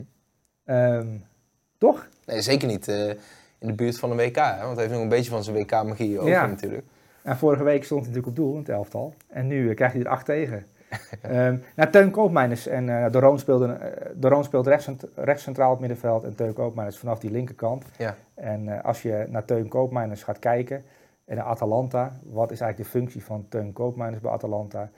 Ehm ja, Zo'n wedstrijd begint en Atalanta gaat zoeken en hoe kunnen we dat Salernitana bespelen? Die zetten bepaalde druk. Oké, die, die, die worden koppeltjes gevormd. En dan gaat Teun Koopmeiners, die gaat als een uil heen en weer kijken. Waar ligt de ruimtes? Die zakt in, die wordt een soort linker centrale verdediger. Die gaat op zoek naar aanspeelpunten. En zo langzaamaan wordt zo'n wedstrijd opgebouwd. Ja. Ehm, en dat vind ik wel eh, interessant aan, eh, aan, hoe, het, aan de werking van Teun Koopmeiners eigenlijk. Want als je hem gaat beoordelen, hij is, wel, hij is niet de allersnelste. Als hij diep gaat, ja, hij, hij doet er wel lang over om diep te gaan, weet je wel. Ja. Er zijn spelers sneller. Ja. Ehm, maar hij gaat diep met de, alles wat hij doet is er met een reden. Dus er is over nagedacht. En dat is wel wat je bij hem, eh, die intelligentie in het spel, is, vind ik wel eh, fascinerend om naar te kijken. Eigenlijk bijna een soort quarterback natuurlijk. Ja, ja maar ik, dat, het lijkt net alsof er een trainer, de trainer doet mee. Je Ja. hebt toch wel bij jeugdspelers dat af en toe de, de leider meedoet op het veld. En dan gaat het in een ineens een stuk beter. op de training. Ja, dus bij de F-pillen doet de leider mee. Ja. En ja, die, die F-pillen hebben dat niet in de gaten. Maar het gaat ineens lopen omdat die trainer op de goede plekken staat en de goede spelers aanspeelt Mhm. op een goede been. Dat soort zaken allemaal. Maar ik heb bij Teun Koopman altijd het idee dat hij de trainer is die met de F-pillen meedoet. Mhm. Dat is zijn kracht. Om het zomaar uit te drukken als je het dan bedoelt. Slimme jongen, rustig natuurlijk ook. Ja, raakt niet zo snel in paniek na een foute bal. Mhm. Ehm, en hij heeft bij Atalanta ook, hij heeft voor Atalanta gekozen natuurlijk. En dat is een slimme keuze geweest, omdat eh, hij heeft daar als tien gefunctioneerd eh, af en toe. En nu staat hij met de, de Roon op het middenveld. Ehm, en het is wel ook wel een elftal eh, wat oplossingen biedt, hè, met, met Boga eh, eh, bijvoorbeeld. Ehm, en ja, je ziet ook dat hij tijdens zo'n wedstrijd wat aanvallender gaat spelen. basis probeert te zoeken tussen de linies. Ehm, dus zijn traptechniek komt echt daar goed in uit. En ontwikkelt zich geweldig op eigenlijk de plek van Frenkie de Jong natuurlijk. Mhm. Aan Ja. de linkerkant, want het is natuurlijk een linkspoot ook. Ja. En, en aan de rechterkant, bij het Nederlands elftal hij natuurlijk regelmatig aan de rechterkant. En Mm. dan, dan is de kritiek van ja, hij vertraagt het spel, hij is, een beetje traag. Voor de top komt hij tekort. Eigenlijk een beetje unfair natuurlijk, omdat hij, Ja. je hebt, hij heeft altijd te maken met Frenkie de Jong. Ja, maar je kun je hem helemaal niet meer vergelijken. Nee, waardoor, maar hij moet wel uitwijken, want Frenkie de Jong speelt eigenlijk liefst in de zones waar hij ook speelt. Ja, ja, maar ik vind, ik vind wat hij tegen, eh, nou, tegen, tegen deze ploeg liet zien in de Serie A, maar ook het hele seizoen al.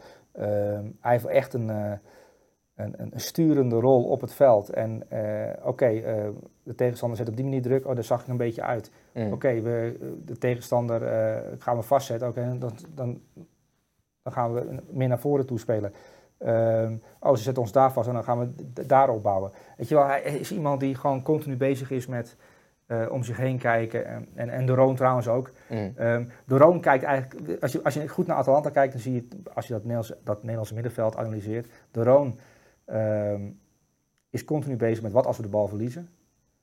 En een koopmijners is continu bezig, als ik de bal krijg, welke oplossing heb ik dan? Mhm. Dus dat is aan de linkerkant gebeurt dat, en aan de rechterkant gebeurt het andere. Mhm. Dat is best wel eh, fascinerend. Vult elkaar aan. eh, vult elkaar geweldig aan. Maar ook eh, de Roon is bezig. Oké, Koopmeiners gaat straks eventueel die paas spelen. Dan kunnen we daar de bal verliezen. Oké, dan moet ik iets meer naar voren toe. Ehm, de, de Roon zakt een beetje uit. En de Koopmeiners zakt die, die ruimte in, want dan kan hij aanspeelbaar worden. Maar je ziet de Roon ook, of je ziet Koopmeiners soms ook helemaal naar links uitzakken. Om een lijn open te zetten voor een verdediger naar een bepaalde spe- speler toe. En dan zakt hij naar links en dan kan hij eventueel daar aanspeelbaar worden. Dus vooruitdenken. Mhm. Dus als een soort van schaken, een paar zetten vooruit denken, oké, ik kan eventueel daar straks in balbezit komen. Ehm, ik, loop, ik loop weg. Dus er zit veel intelligentie in het spel opgesloten. Stel je bent de technisch directeur van Inter. En je hebt interesse in koopmijners. Dan zou ik een lijstje maken waar hij ook op staat, ja. Dan zou je, de, Ja. Rone, zou je de er ook bij halen.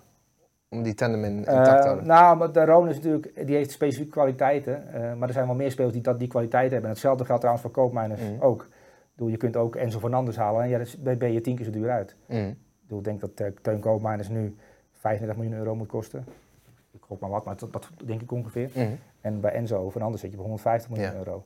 Ehm, ja, dus ik zou dan gewoon een eh, lijstje maken met... eh, maar je moet ook, hoe, hoe, hoe, kijk- hoe kijk je naar een speler? Teun Koopmijners gaat geen vijf man passeren. Nee. Eh, Teun Koopmijners, als je diep gaat, eh, ja, hij zal nooit een sprintduel winnen Nee. van een snelle back. Ehm, dus hij gaat diep om een andere reden. Om ruimte te maken voor een ander. Mm. Ehm, dus, dus, dus je gaat het diep gaan beoordelen op twee manieren. Ja, hij gaat diep, maar zinloos, want hij krijgt de bal toch niet aangespeeld. Nee, maar hij maakt ruimte voor een ander. Dus je moet, soms moet je ook eh, kijken, wat, maakt wat, wat is eigenlijk de bijzondere kracht van een speler? En bij Serie A hoor je natuurlijk wel vaak het voorbehoud. Hè? Want oké, dat oude plaatje van eh, defensieve competitie, dat is wel verleden tijd. Hè? Deze score is ook veelzeggend. Alleen, het tempo is wel anders. In, in Ja, ja, ja, Niet per se lager, maar ik denk wel meer tempo-wisselingen. Af en toe iets meer rustmomenten. Hoe, hoe moeten we koopmijners plaatsen bijvoorbeeld in, in de Bundesliga, in de Premier League, La Liga? Zou die daar evenveel impact hebben? Bijvoorbeeld bij Stroopman, zag je, eh, zijn spel was eigenlijk ideaal voor de Serie A. Ja, maar dat, dat is best wel lastig. Ehm, dat hangt er een beetje vanaf of je Frank Lampert als trainer krijgt of de Serbi. Mm. Want de Serbi kijkt naar Koopmeiners en denkt, ja, die moet ik niet eh, in de Premier League eh, eh, één tegen één duels laten uitrennen. Ja. Dat is zinloos. Ja. En Frank Lampert, eh, die is in staat, nou, die, is, die heb ik, ehm, die heb ik eh, Donny van der Beek in een verdedigende rol. eh, eh, Ja. Ja, dan denk, denk ik van, ja, die snapt er, die snapt er helemaal niets van. Ja, die Ja. heeft een geweldig eh, voetbal-IQ. Die heeft op heel hoog niveau gevoetbald. Maar die is gewoon in staat om spelers diep ongelukkig te maken door ze op een plek te zetten waar ze wel hun best doen. Mm. En dat is het probleem van Everton, dat ze een slechte trainer hebben. Mm. Frank Lampert is gewoon een slechte trainer. Mm. Ehm, en To- Teun Koopmeiners is bij Atalanta bij een trainer gekomen die een bepaald systeem speelt en voor al die spelers een bepaalde rol in gedachten heeft. En eh, kijk, wij kijken naar de Rona en denken, ja god, als hij in, balbezit is het niet zoveel. Dat valt trouwens wel mee, want het is gewoon nuttig. Ja. Ehm, maar de Roon heeft een bepaalde functie bij dit Atalanta als stofzuiger. Eh, en ja, die, die, denkt, eh, die denkt niet in balbezit, maar in balverlies. Mm. En Teun Koopmeiners denkt in balwinst. Mm. Eh, Die denkt in balbezit, laat ik het zo zeggen. Ehm, en ja, het ziet er inderdaad wel eens uit. Als Teun Koopmeiners de bal verliest en hij moet eh, twee, drie meter sprinten, dan is hij soms te laat, want hij Ja. is traag. Ja. Ja. Maar dan lost de het wel op. Ja, dat is ingecalculeerd bij Atalanta. Dat kan Ja. gebeuren, ja. Ja. Wie ook indruk maakt trouwens de spits hè, van Atalanta. Ja, ja. Jolund? Heulund noem ik hem, maar hij kan ook anders heten. Maar eh, eh, ja, die hebben ze natuurlijk ook gekocht. Ja, ze hebben weer een eh, aantal nieuwe spelers bij elkaar gehaald. Ja. En nou, ja, de- deze Heulund viel ook inderdaad op. 19 jaar nog maar. Ja, ja dat is weer goed gescout. Ja, Ja, het is een combinatie van spelsysteem, scouting en, en, en eh, spelers eh, de tijd geven om te wennen. En sommige spelers die hebben wat minder tijd nodig. Eh, maar ja, Teun Koopmeiners en Atalanta, dat is een geslaagde, geslaagde huwelijk, zou ik maar zeggen. Voor, Z- voor, voor Atalanta en voor Teun Koopmeiners. het cijfer voor koopmijners? Een 8,5. 8,5. Je zit er goed in vandaag. Ja, toch? Veel hoge cijfers. Nou, ik zit Ja. er altijd hoog in energie. en Met, eh, ja. met dit rapport kunnen we thuiskomen. Ja. We gaan door naar de jonge smaakmaker van Barcelona. Vertel, waarom heb je voor Gavi gekozen na de Classico? Ja, omdat ik hem weergeloos vond. Ja. Dat is, ik bedoel, eh, dat is eigenlijk de enige speler waarvan ik zeker wist die dat hij erin moest. En van ik ook wel wist dat jij wist dat hij erin zou komen. Ik bedoel, Ja, hij was goed hè? nou, hij was niet goed. Hij was, Ja. was, was, was Ja. redelijk weergeloos, ja. Wat, zijn, wat is het zwakke punt in zijn spel? Een zwakke punt in het spel. Heb jij een zwak punt in het spel van Gavi kunnen ontdekken? Nee, ik vind het echt lastig om eerlijk te zijn. Ik, eh, ik zie diepgang bij hem. Ik zie eh, eh, veel arbeid ook zonder bal. Als de bal verloren wordt, fel in druk zetten. Slimme passes, eh, overzicht in het 16 meter gebied als hij in een kansrijke positie komt. Ja, het is, het is nogal veel voor, Ja. voor een 18-jarige. Ehm, op dit niveau bij Barcelona. Het is niet een 18-jarige bij Betis. Nee. Het is ook geen 18-jarige bij RKC Waalwijk. Nee, het is een 18-jarige ehm, bij Barcelona. Met allemaal topvoetballers om, om zich heen. Ja. Ehm, die het verschil maakt ehm, op basis van techniek en persoonlijkheid. Die combinatie, ja, dat is... Dat is eh, Je ziet ook een klik hè, met Lewandowski. Die twee weten elkaar heel makkelijk te vinden. ja, alleen, ja, ja, met het geldt ook voor Pedri natuurlijk. En, Mhm. eh, en voor Frenkie de Jong. Ehm, ja, het is natuurlijk een heerlijke speler, omdat hij kennelijk voetbal begrijpt. Vanuit een soort van, eh, ja, vanuit wat eigenlijk? Dat, Ja. hij, hij begrijpt gewoon voetbal Ja. en voetballers. Ja. Ehm, en die kun je op een veld neerzetten op zijn zeventiende in San Siro eh, als bondscoach. En dan denk je van, ja, we gaan wel kijken hoe goed hij nou werkelijk is. En eh, ja, sindsdien eh, heeft hij natuurlijk heel veel wedstrijden gespeeld al, 70, hè, dat hebben we uitgerekend. Plus eh, 17 interlands. Ehm, en ik las in de Spaanse media, dit, dit was de beste wedstrijd van Gavi tot nu toe. Ik ben het er wel mee eens. En de statistieken eh, vond ik wel een mooie statistiek. Hij, was degene met de meeste gewonnen duels, Ja. 10 van de 12, maar ook degene met de meest gecreëerde kansen. Ja, dat is heel Dat zegt alles, toch? Ja. Dat is alsof je eh Nicolo Kante en, eh, en Kevin De Bruyne Ja. mixt. Dat Ja. kun je natuurlijk op een Playstation doen. Dat je denkt van, weet je, we gaan cheaten. Een soort cheatcode invullen. We gaan Kante en Kevin De Bruyne. Dus, dus Kevin De Bruyne is soms Kante.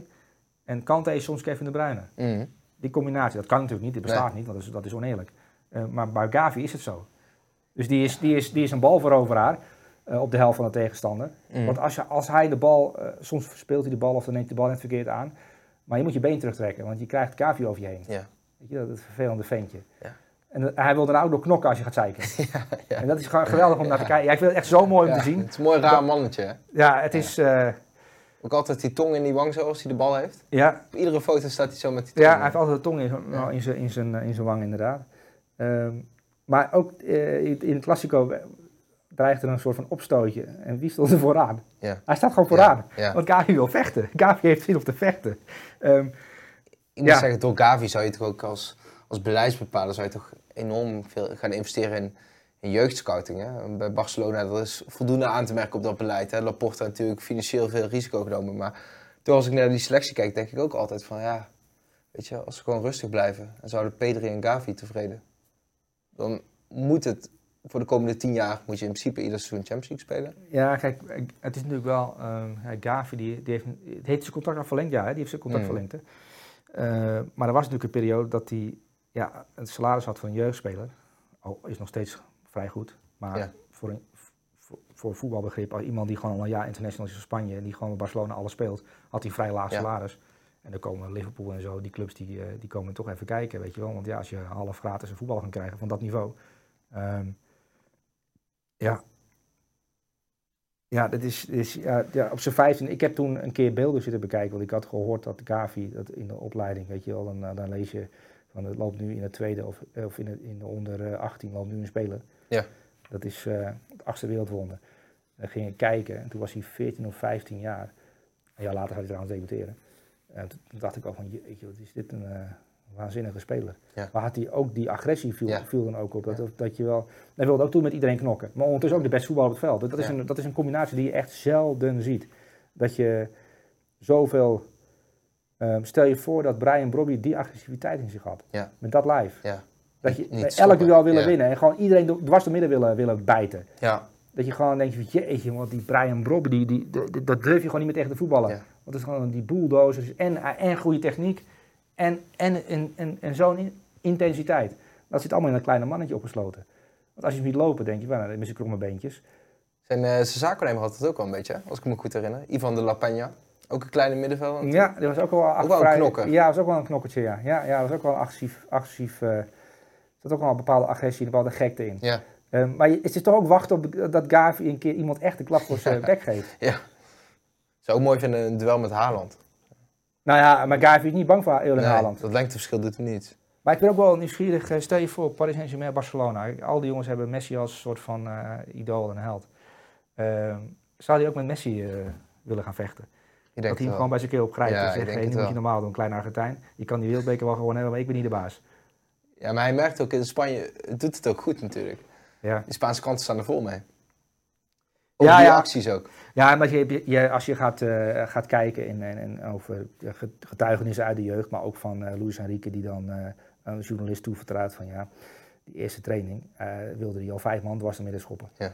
Eh, ja, daar zit hij in. Luis Enrique kon er wel van genieten. Ja. Jeetje, Mina, de 17-jarige ventje, die speelt tegen jongens die al 15 jaar het eerste spelen. En die wil hij gewoon dwars door midden schoppen. Ja. Maar niet omdat hij dat, dat wil doen, maar omdat hij, hij wil die bal hebben. Het is mijn bal. Ja. Nu hier. En, en ja, met zo, dat, dat kun je een jongen niet, eh, je kunt wel zeggen in de kleedkamer, ja, de volop hè, de eerste minuut. Maar 9 van de 11 die gaan niet Ja, volop. Het zit in je of niet. Het zit er wel of Ja. niet in. En bij hem zit het, eh, je hoeft hem niet te vertellen dat er een wedstrijd is. Die generatie is ook wel bijzonder, hè? Met, eh, met Musiala, met Bellingham, Ja. Gavi, P3. Ja. Wiertz, Florian Wiertz is ook zo'n jongen, die, daar gaan we nog wel van horen. Eh, ja, dat, dat zijn, ja dat, dat, is, dat zijn types die, eh, die ja, Musiala inderdaad ook zo'n goed voorbeeld ervan. Ehm Bellingham ook. Ja, dat zijn types die op hun 17e, 18e al eh, jongens van 25 of ouder op een plek zetten. Denk je, denk je ja. dat het toeval is of dat de jeugdopleidingen beter zijn geworden? Worden de jongens sneller beter begeleid? Ja, ik weet, het zijn twee dingen. Die, eh, want die- aan de ene kant hoor je van ja, de jeugd van tegenwoordig. Hè, je ziet een aantal Eredivisie trainers die zich daarover uitspreken. En die zeggen van ja, vroeger konden ze nog wel het een en ander hebben. Maar nu eh, beginnen ze al te piepen en heb je tien zaakwaarnemers aan de lijn. Die eh, beginnen te zeiken dat er een van die jongens op de bank zit. Aan de andere kant zie je in de Europese top van jongens die wel snel doorbreken. ehm, een hele andere... eh, Ja. Ook jongens rond wie weinig gezeik is. ja, Je hoort nooit, nooit Balotelli-achtige verhalen meer. Nee, nee joh, ja, nou, misschien wel, maar dat, die horen wij dan niet, omdat Ja. het natuurlijk weggefilterd wordt door, eh, door allerlei eh, persmensen. Ehm, en, en, en rondom Gavi zal vast af en toe gezeik zijn. Ja. Want er is natuurlijk ook in de jeugd bij Gavi wel een en ander gebeurd. De La Masia. Ja. Dat er weer eens eh, wat gebeurd was. Alleen, eh, Knoppartijtje. na een knokpartijtje hier en daar, maar ook dingen die gestolen waren. Of was, eh, wilden ze s'avonds voetbal kijken, dat is de tv's gestolen, de kamer neergelegd. Dat, ja, die vraag heb je ook wel Ja, gelezen, denk kattenkwaad. Kattenkwaad, ja, geen katten- kattenkwaad, maar daar worden jongens vooruit de opleiding gezet. Ja. ja. Ehm, Als je zo goed kunt voetballen maar kun je als je zo goed als. Gavi ja. bent, dan... ja, ergens is het ook wel... ja, dit soort energieke mannetjes die, die heel goed zijn. En die activiteit in zich hebben, ja, dat moet je koesteren. Cijfer voor Gavi. Een 10. Een 10. De eerste prijs onder Xavi. Gaan nog heel veel meer eh, volgen? Nou, ze kunnen kampioen worden. Zie je dat gebeuren dit seizoen? En nou, Real moet wel heel snel de orde herstellen. En ik weet niet eh, of Chouameni snel terug is. En anders hebben ze een probleem. Ze hebben eigenlijk geen vervanger voor hem. Ja, maar dat hadden ze natuurlijk onder Casemiro ook niet. Maar Casemiro was altijd fit. Ja. En uh, nou, normaal gesproken ook. Maar ja, dat is nog een jonge jongen. En als die vaak niet fit is, dan zal eh, Real Madrid daar moet- op moeten inspelen. Ja. Eh, en een middenvelder halen die, die zich ook kunnen inzetten op die plek. Want dat is wel een cruciale positie. Omdat je dan anders eh, wedstrijden hebt waarin je ja, zo'n speler mist. Dat was tegen Barcelona natuurlijk het geval, want ze waren te kwetsbaar. Barcelona de favoriet nu, voor jou. Titelfavoriet. Nee, niet specifiek op basis van die ene wedstrijd in de Supercup. Nee, want het is ook zo'n wedstrijd waarin... ehm, ja, het, Real Madrid kan ook de Champions League weer winnen natuurlijk. Mm. Ehm, een beetje raadtoernooi natuurlijk, hè, die opzet. ja, en, Tegen Betis en het als het niet echt hoeft, en, en, eh, ja, dan kun je het ook... Ja, ik, wil, ik wil niet zeggen dat ze het niet lopen, want Barcelona was echt beter. eh, en had het goed voor elkaar. En en Real kwam er niet uit. En je, je kunt je ook vragen, Karim Benzema, is hij nou wel of niet fit? Ja, het is gek hè. Het is een beetje, ja, weet je wel, omdat, en er is ook geen vervanger voor. Dus Ja. bij Real zijn er op heel veel plekken geen vervangers. Mm. En ik vond Courtois fenomenaal. Daar ik heb de Aaron Ramsdale geselecteerd, maar ik vond Thibaut Courtois echt waanzinnig goed. Maar dat is eigenlijk al een heel jaar zo. Ja. ja Die- die pakt die ballen. camoufleert veel. hè. Ja, die, ja, die camoufleert al heel lang heel veel bij Real Ja. Madrid. En ook in de Champions League finale camoufleerde hij het een en ander. En ook in deze wedstrijd pakte hij een paar geweldige ballen. En die, ja, eh, die heeft dan de pech dat dan eh, Real natuurlijk verliest en het niet over hem gaat. Eh, ja, en Eden Hazard, wil je wat over Eden Hazard zeggen? Nou, ja. Ik, eh in Hazard... Ja, voor mijn gevoel is hij al, al lang gestopt. gestopt. Ja, nee, Dat is supporter van Real Madrid. Nou, ik, ik weet nog, met Pieter had ik regelmatig een discussie toen in zijn eindperiode bij Chelsea. Ja, ik vond hem zo, zo fenomenaal. Gewoon in, in die periode ook met Sarri als trainer. Ja, ja, ja. Dat hij eh, dat is echt combinatievoetbal speelde. En als hij dan aan de bal kwam naar binnen met die dribbles. Hij zocht ook altijd het avontuur. Het was gewoon echt leuk om naar te kijken. Pieter plaatste toen als een vraagteken, want hij zei ja, eh, dan werden er verkeerde keuzes gemaakt. Toen ging hij voor een schot vanuit redelijk eh, kansloze positie. Maar Hazard was wel een speler ja, waar je gewoon van geniet. Die ook op intuïtie eh, speelt dan iets wat je wel steeds minder gaat zien in de Europese top. Alleen wat er bij Real Madrid met hem gebeurd is, dat is echt miraculeus toch? Dat een speler eigenlijk zo instort. En ook, moet ik zeggen, laatst ook toen ik hem in zag vallen, dat vind ik dan echt storend. Ik van ja, dat, heb je al zo weinig laten zien, en dan ben je te zwaar. En het begint er gewoon wel met fit zijn. Ja, Uh, hij, hij, ja, ik dacht eerst dat het aan mijn tv lag. Nou, ik, ik stel deze vraag met een reden, want ik zag hem natuurlijk weer in beeld. Ja. Uh, Real Madrid verloren, maar uh, Hazard is altijd bij. Een soort van ja, groepie lijkt het wel van die selectie. Mm. zo, maar hij had, er iets, had een bepaald kledingstuk aan wat er niet flatteus oogde. Dus hij oogde nog dikker dan, dan ja. die... Want hij is natuurlijk niet super dik. Nee. Anders, als, als Eden Hazard dik is, zijn wij moddervet. Weet je wel. Nou, ik zag laatst een interview met Declan Rice en een andere Premier League middenvelder. En die hadden het over de kont van Hazard. Hoe belangrijk die eigenlijk was bij zijn dribbles, zeg maar. Dat ja. het zware laagtepunt. Ja. ja dikke reet. En die, ja. die draaide je dan zo in, weet je wel. En zo, zo kwam hij weg. Dus hij heeft het ook wel lang, hè, dat postuur, dat gevormde, zeg maar, heeft hij ook wel lang in zijn voordeel gebruikt. Alleen, ja. als het dan slecht gaat, dan... Ja, ja nee, ik hij denk... is gewoon wel een paar kilo te zwaar nu, hè. Ja, niet fit. Zwaar vind ik een ingewikkeld woord, maar hij is niet fit genoeg om. Uh, dat is natuurlijk ook bij Real Madrid gebleken. Dat, ja, dat Ancelotti is nog iemand die vaderlijk ermee omgaat. En uh, ze tolereren hem rondom die selectie. En ja. uh, hij speelt amper en dan mag af en toe eens een keer meedoen. En ze geven hem nog wel kans ook. ook begin het seizoen heeft hij weer een aantal minuten gemaakt. Um, maar als ze dan de data zien, ja, hij, hij kan niet mee op topniveau. Want hij kan het aantal sprints niet halen. Ehm, het is allemaal uh, het tempo, uh, ja, dat is bejaardenvoetbaltempo wat hij nu speelt. Ja. Dribbles, leuk.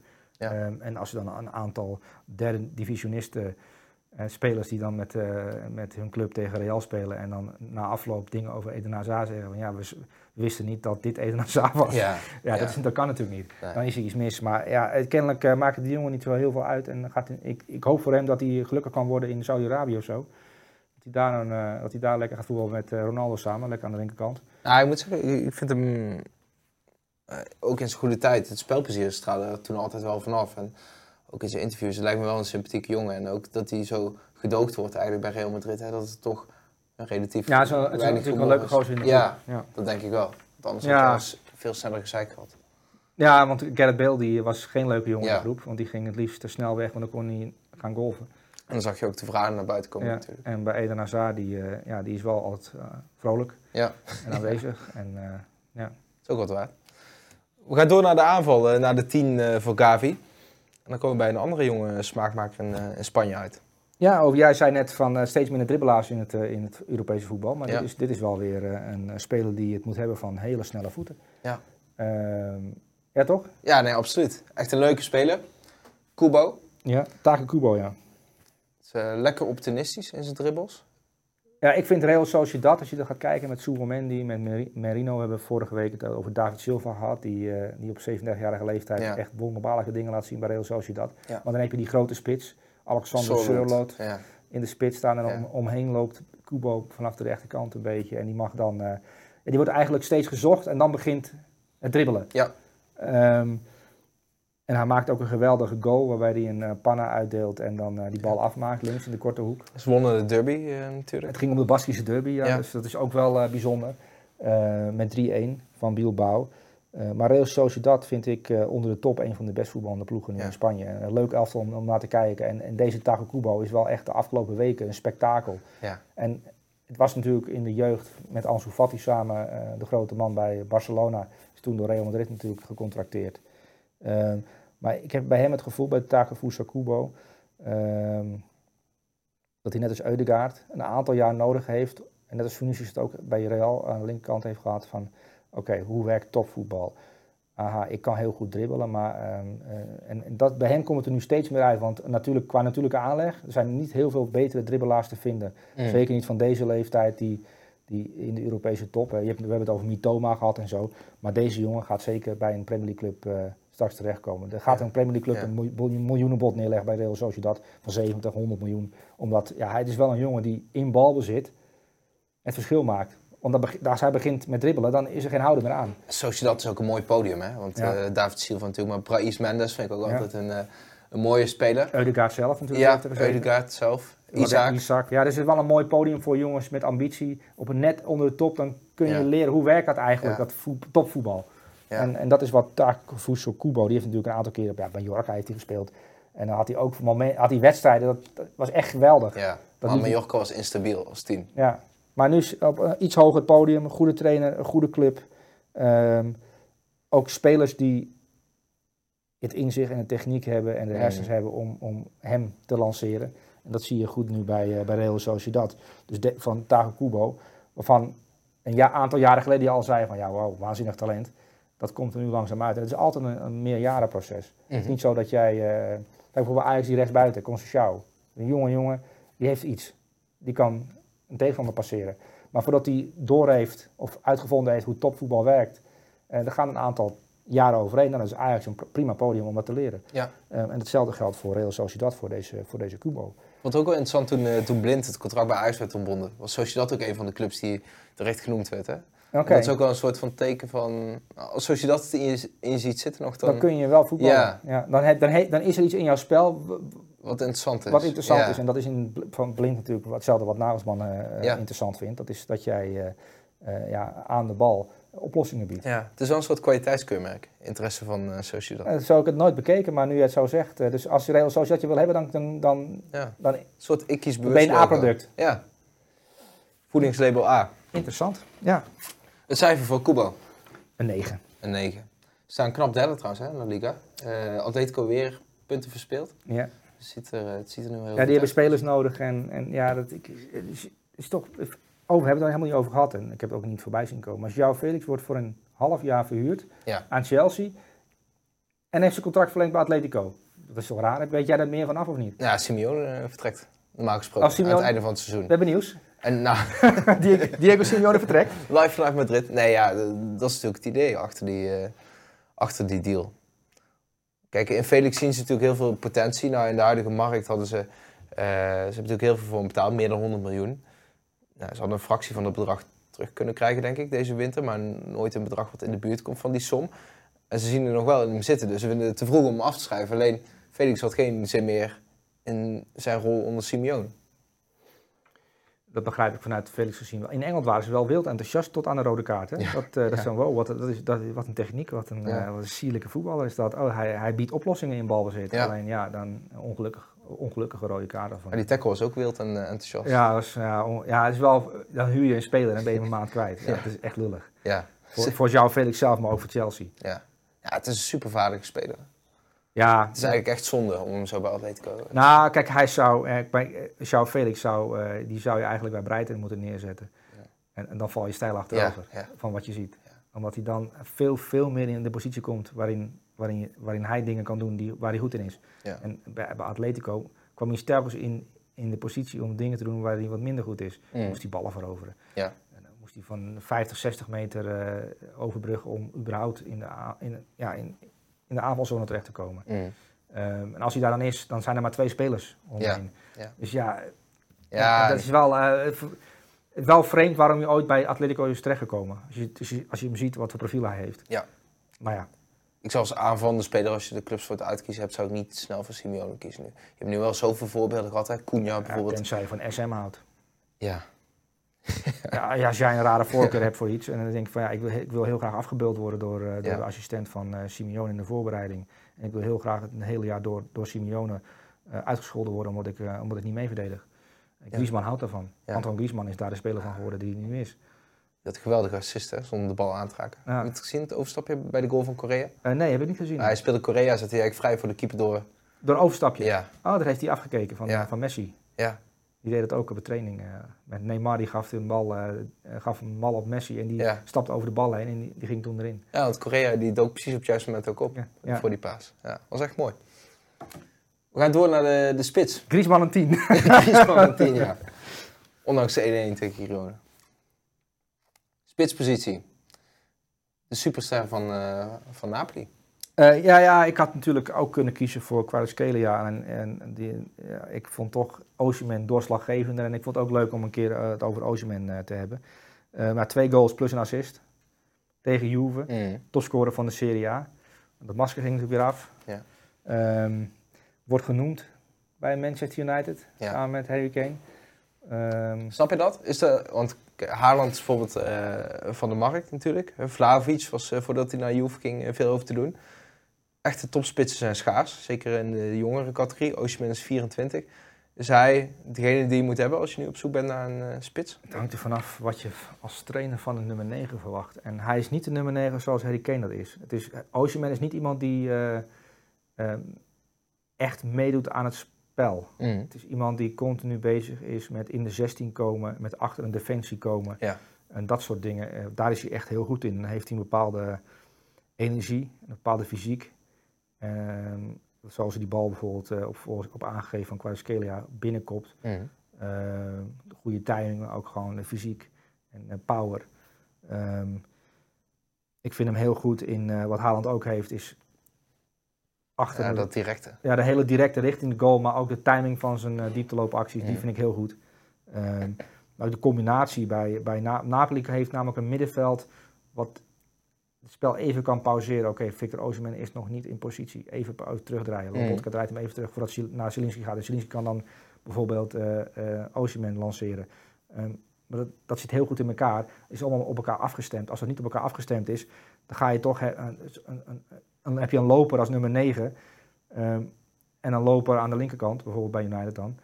Ehm, en eh, ik denk dat Harry Kane in combinatie met, met Marcus Rashford beter is dan Ja, dan Victor ja. Osimhen in combinatie met Marcus Rashford. Osimhen maakt eigenlijk de loopacties in de ruimtes die Rashford ook ja, wil misschien wel, ja. Dus, en, maar het is op zichzelf ja, een geweldige nummer 9. Eh daar hebben ze veel geld voor betaald natuurlijk, Napoli. Ja. Ehm, ja. Ja, re- record aankoop natuurlijk. ja, het heeft enorm veel geld gekost.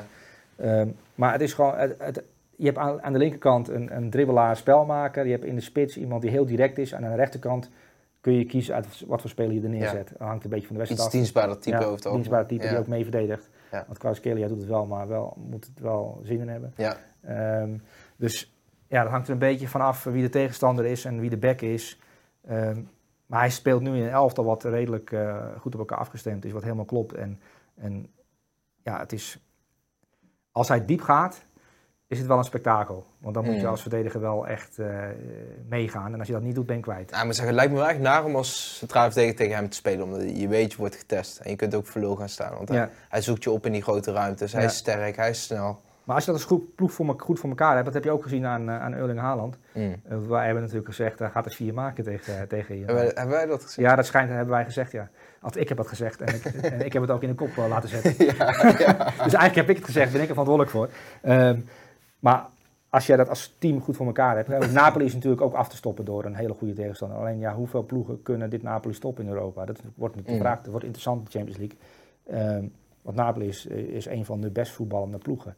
En die hebben een aantal kwaliteiten. En in combinatie, Osimhen en Kvaratskhelia is natuurlijk geweldig. Het is Mm. techniek, is kracht, is snelheid, ehm, doelpunten, assists. Ehm, ja, geweldige spits.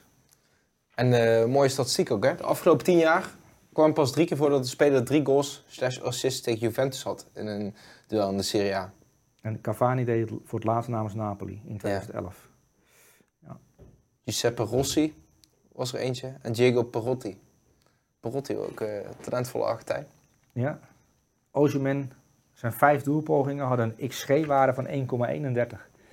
Ja, de laatste keer dat iemand zulke goede doelkans had tegen Juve in de Serie A was in 2018. Toen kwam Fabio Quagliarella tot 1,39 namens Sampdoria. Er zijn dus mensen, hè, in Engeland wordt het ook wel eens voorgelezen zo, door, eh, door mensen. En dan zitten er wel eens oud-voetballers in de studio die, die, die, die, die echt schuimbekkend op tafel gaan slaan. dat ze normaal moeten gaan doen met die expected goals. Ja. Waar gaat dit over? Ja. En eh, dat vind ik ook mooi om, om, om te zien. Die koppen dan ook, ja. Ja, nee, maar dat, Van- de die, die zijn echt, die, die zijn echt eh, verwilderd. Ja. Van jeetje, want waar hebben we het over? Die wil, Ja. die wil het liefst die hele tafel omgooien en Ja. van woede die studio ombouwen omdat er iemand over expected goals beschikt. Roy Keane is Ja. mooi, ja. Stel je voor, je bent presentator, je krijgt van de regie, je zo'n lijstje binnen. Nou, ik vond het wel een lab tekst ook. Want eh, ik moet zeggen, eh, Canada, Miga, die heeft een, een tentamen deze week. Dus die had, was niet in staat om de cijfers te verzorgen dit keer. Want die, ja, daar heb ik de afspraak mee dat hij het eh, bij één, twee zinnen houdt. Want anders moet, sta ik voor lul, moet ik zo'n hele lab tekst lezen. Ehm, En eh, ja, weet je wel, dat is nogal, Ja. nogal wat. Ehm, maar hij eh, mailde me al vorige, vorige week in aanloop naar deze uitzending toe dat hij straf had gekregen omdat hij twee keer een verkeerde, of vergeten was om cijfers te geven aan spelers. Mm. Dus die is geschorst. Mm. Gaan wij gewoon aan tentamen, dus dat is een grapje. Ehm, maar nu moeten we het even doen met, met, met lange zinnen. Ja, lijkt me een mooie stresstest. Om dit voor te, te lezen voor Roy Keane. Met Roy Keane aan tafel. Ja, zeker weten. Ja, dat, eh, dat, dat, dan, dan weet ik niet of je leven thuis komt. Nee. Ik zou hem wel... Bij de Serie A trouwens wel opvallend nu, hè? Je krijgt de meest waanzinnige statistieken in, eh, in beeld. Ja, begrijp jij die statistiek allemaal? Nee, eh, Average wit. De average wit, ja. Ik heb echt geen idee waar het over gaat, eerlijk gezegd.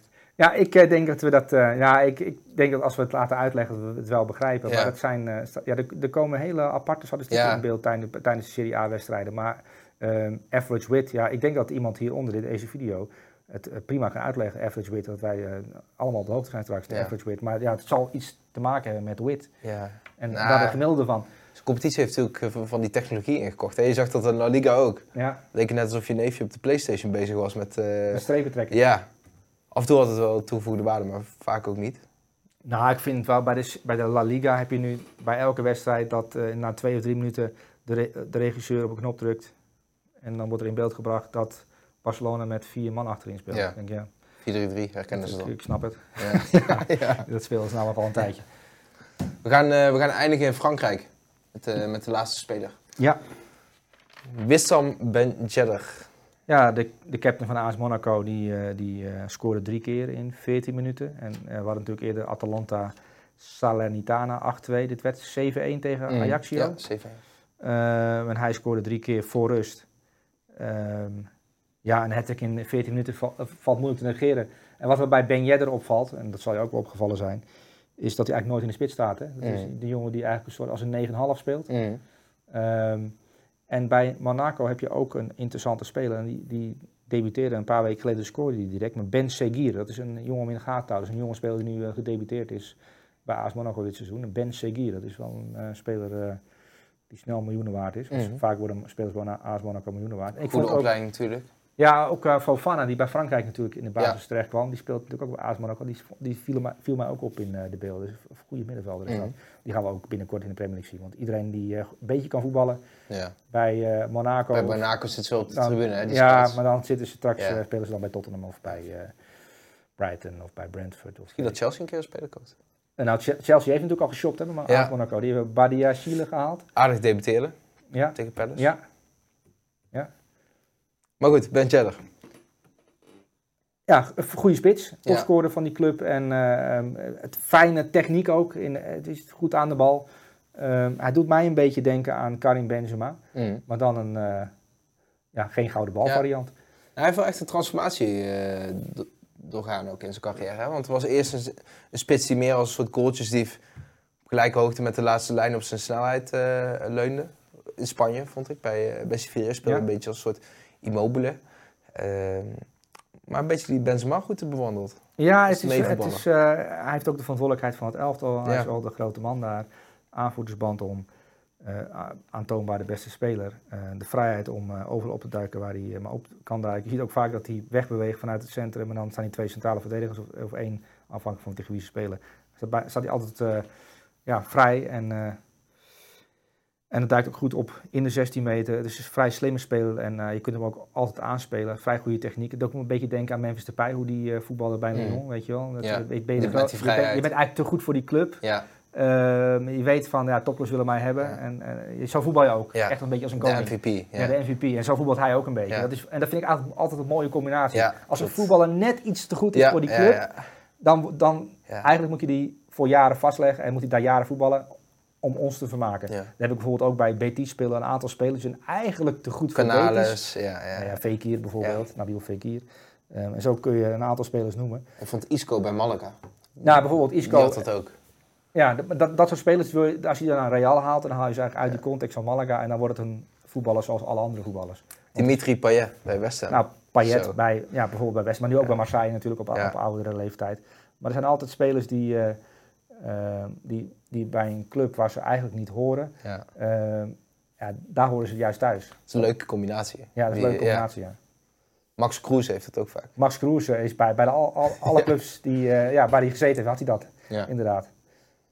Ja, helaas is Max Kroes net te gek. Diego van Werder Bremen, die nummer 10. Jago, ja. Ja, je kunt hier een hele lijst van maken, maar... Ja, Wel leuk om een keer te doen. Ja, is het leuk om het een keer te doen? Ik vind het veel Ja, werk. toch? Ja, ik vind veel werk, ja. Nou, als we de kijkers daar een plezier mee doen. En de luisteraars. ja. Het cijfer voor eh Ben Yedder. Harry Kane is er een voorbeeld van. Ja? Ja, die, zit er bij, die, zit, die speelt toch boven zijn Ja, stond er hem echt hem in voor hem? Ja, vind ik wel. Ja, dit is denk ik wel pijn bij eh, Spurs. Maar denk je dat Kane dat zelf ook vindt? Dat hij in de zomer, eh, Denk ik wel. dat hij het echt zat is nu? Nou, zat weet ik niet, maar ehm, je hebt toch het gevoel dat je 15 jaar lang, je doet wel mee. En eh, ja, hij kan natuurlijk het record breken, Premier League record breken. Ehm, en dan ben je 15 jaar lang, heb je geen prijs gewonnen. Ja. Dat kan hè, want Totti en AS Roma was ook een combinatie. Ja, ook, ook als je terugdenkt hè, wat er bij die club allemaal gebeurd is met eh, toen die periode, eigenlijk toen Leicester kampioen werd. Toen hadden ze natuurlijk echt een goede kans. En toen Daddy Alley nog een, goede nummer 10 was. En eh met Moussa Dembele en Eriksen op het middenveld. Wat dat betreft is Tottenham ook niet dichterbij gekomen. Als je kijkt waar ze nu staan. Ja, de rest is ook beter geworden. Ja. Dus ja, Wat me wel opvalt, Soedi, ja, tot slot nog een eh, kleine aanmerking als ik zo vrij mag zijn. ja. Geen speler van Manchester United. Waarom niet? Ehm, nou, ik heb, eh, ja, ik heb hier bewijs. Ik heb hier tussen haakjes Bruno Fernandes en ik heb hem wel genoteerd. Dus je kan even, als je kunt checken, Bruno Fernandes stond hier tussen Ja. en ik stond ook hier genoteerd. Ehm, maar ik vond het leuker om over James Ward-Prowse te praten, omdat hij natuurlijk dat eh vrije traprecord van Beckham eh, eventueel binnenkort kan gaan breken. En ook omdat we, ik wist eigenlijk al van tevoren dat we in het rondje buitenland veel over United City zouden gaan praten. Ja. Maar we hebben het eigenlijk helemaal niet over Bruno Fernandes gehad. Ehm, maar dat vind ik een, eh, een, een jongen die heel veel zegt, zonder veel te zeggen in interviews over Cristiano Ronaldo bijvoorbeeld. Ik vind dat hoe hij, de manier waarop hij Cristiano Ronaldo heeft behandeld de afgelopen paar maanden als international, maar ook als speler van United, ook omdat hij een van de aanvoerders is van die club, dat vind ik echt geniaal. Hij kan, Ronaldo heeft geen idee dat, dat Bruno Fernandes hem eigenlijk met de grond heeft gelijk gemaakt, want dat heeft hij ook niet gedaan. Ja. Maar eigenlijk heeft hij het wel gedaan. Ja. Door, en dat, is- dat is een teken van intelligentie, denk ik. Eigenlijk heeft hij heel veel laten blijken Dat, dat Ronaldo niet mee wilde ja, in de progressie bij de club. dat er gewoon een enorme paardenlul is. Ja. Ehm, Maar zonder dat te zeggen. Ja. Dat is, wel, dat is klasse. Dat is een bepaalde klasse. ja. Vind ik knap. Vaak zijn mannen daar minder goed in.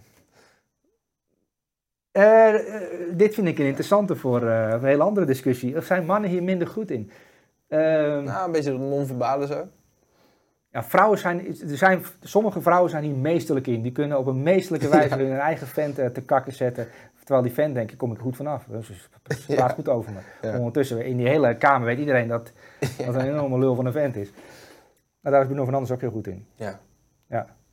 Nee joh, die hand die weigerde ik helemaal, ik zag hem gewoon niet. Ja. Ja, ja, tuurlijk joh. Weet ook dat het Ja. gefilmd wordt. Ja. Ja. Bedankt voor je aftal. En eh, jullie bedankt voor het kijken en het luisteren. En graag tot volgende week. Maak je ook een transfer naar VI Pro? Voor maar 6 euro per maand word je lid van onze sterke selectie met tienduizenden voetballiefhebbers.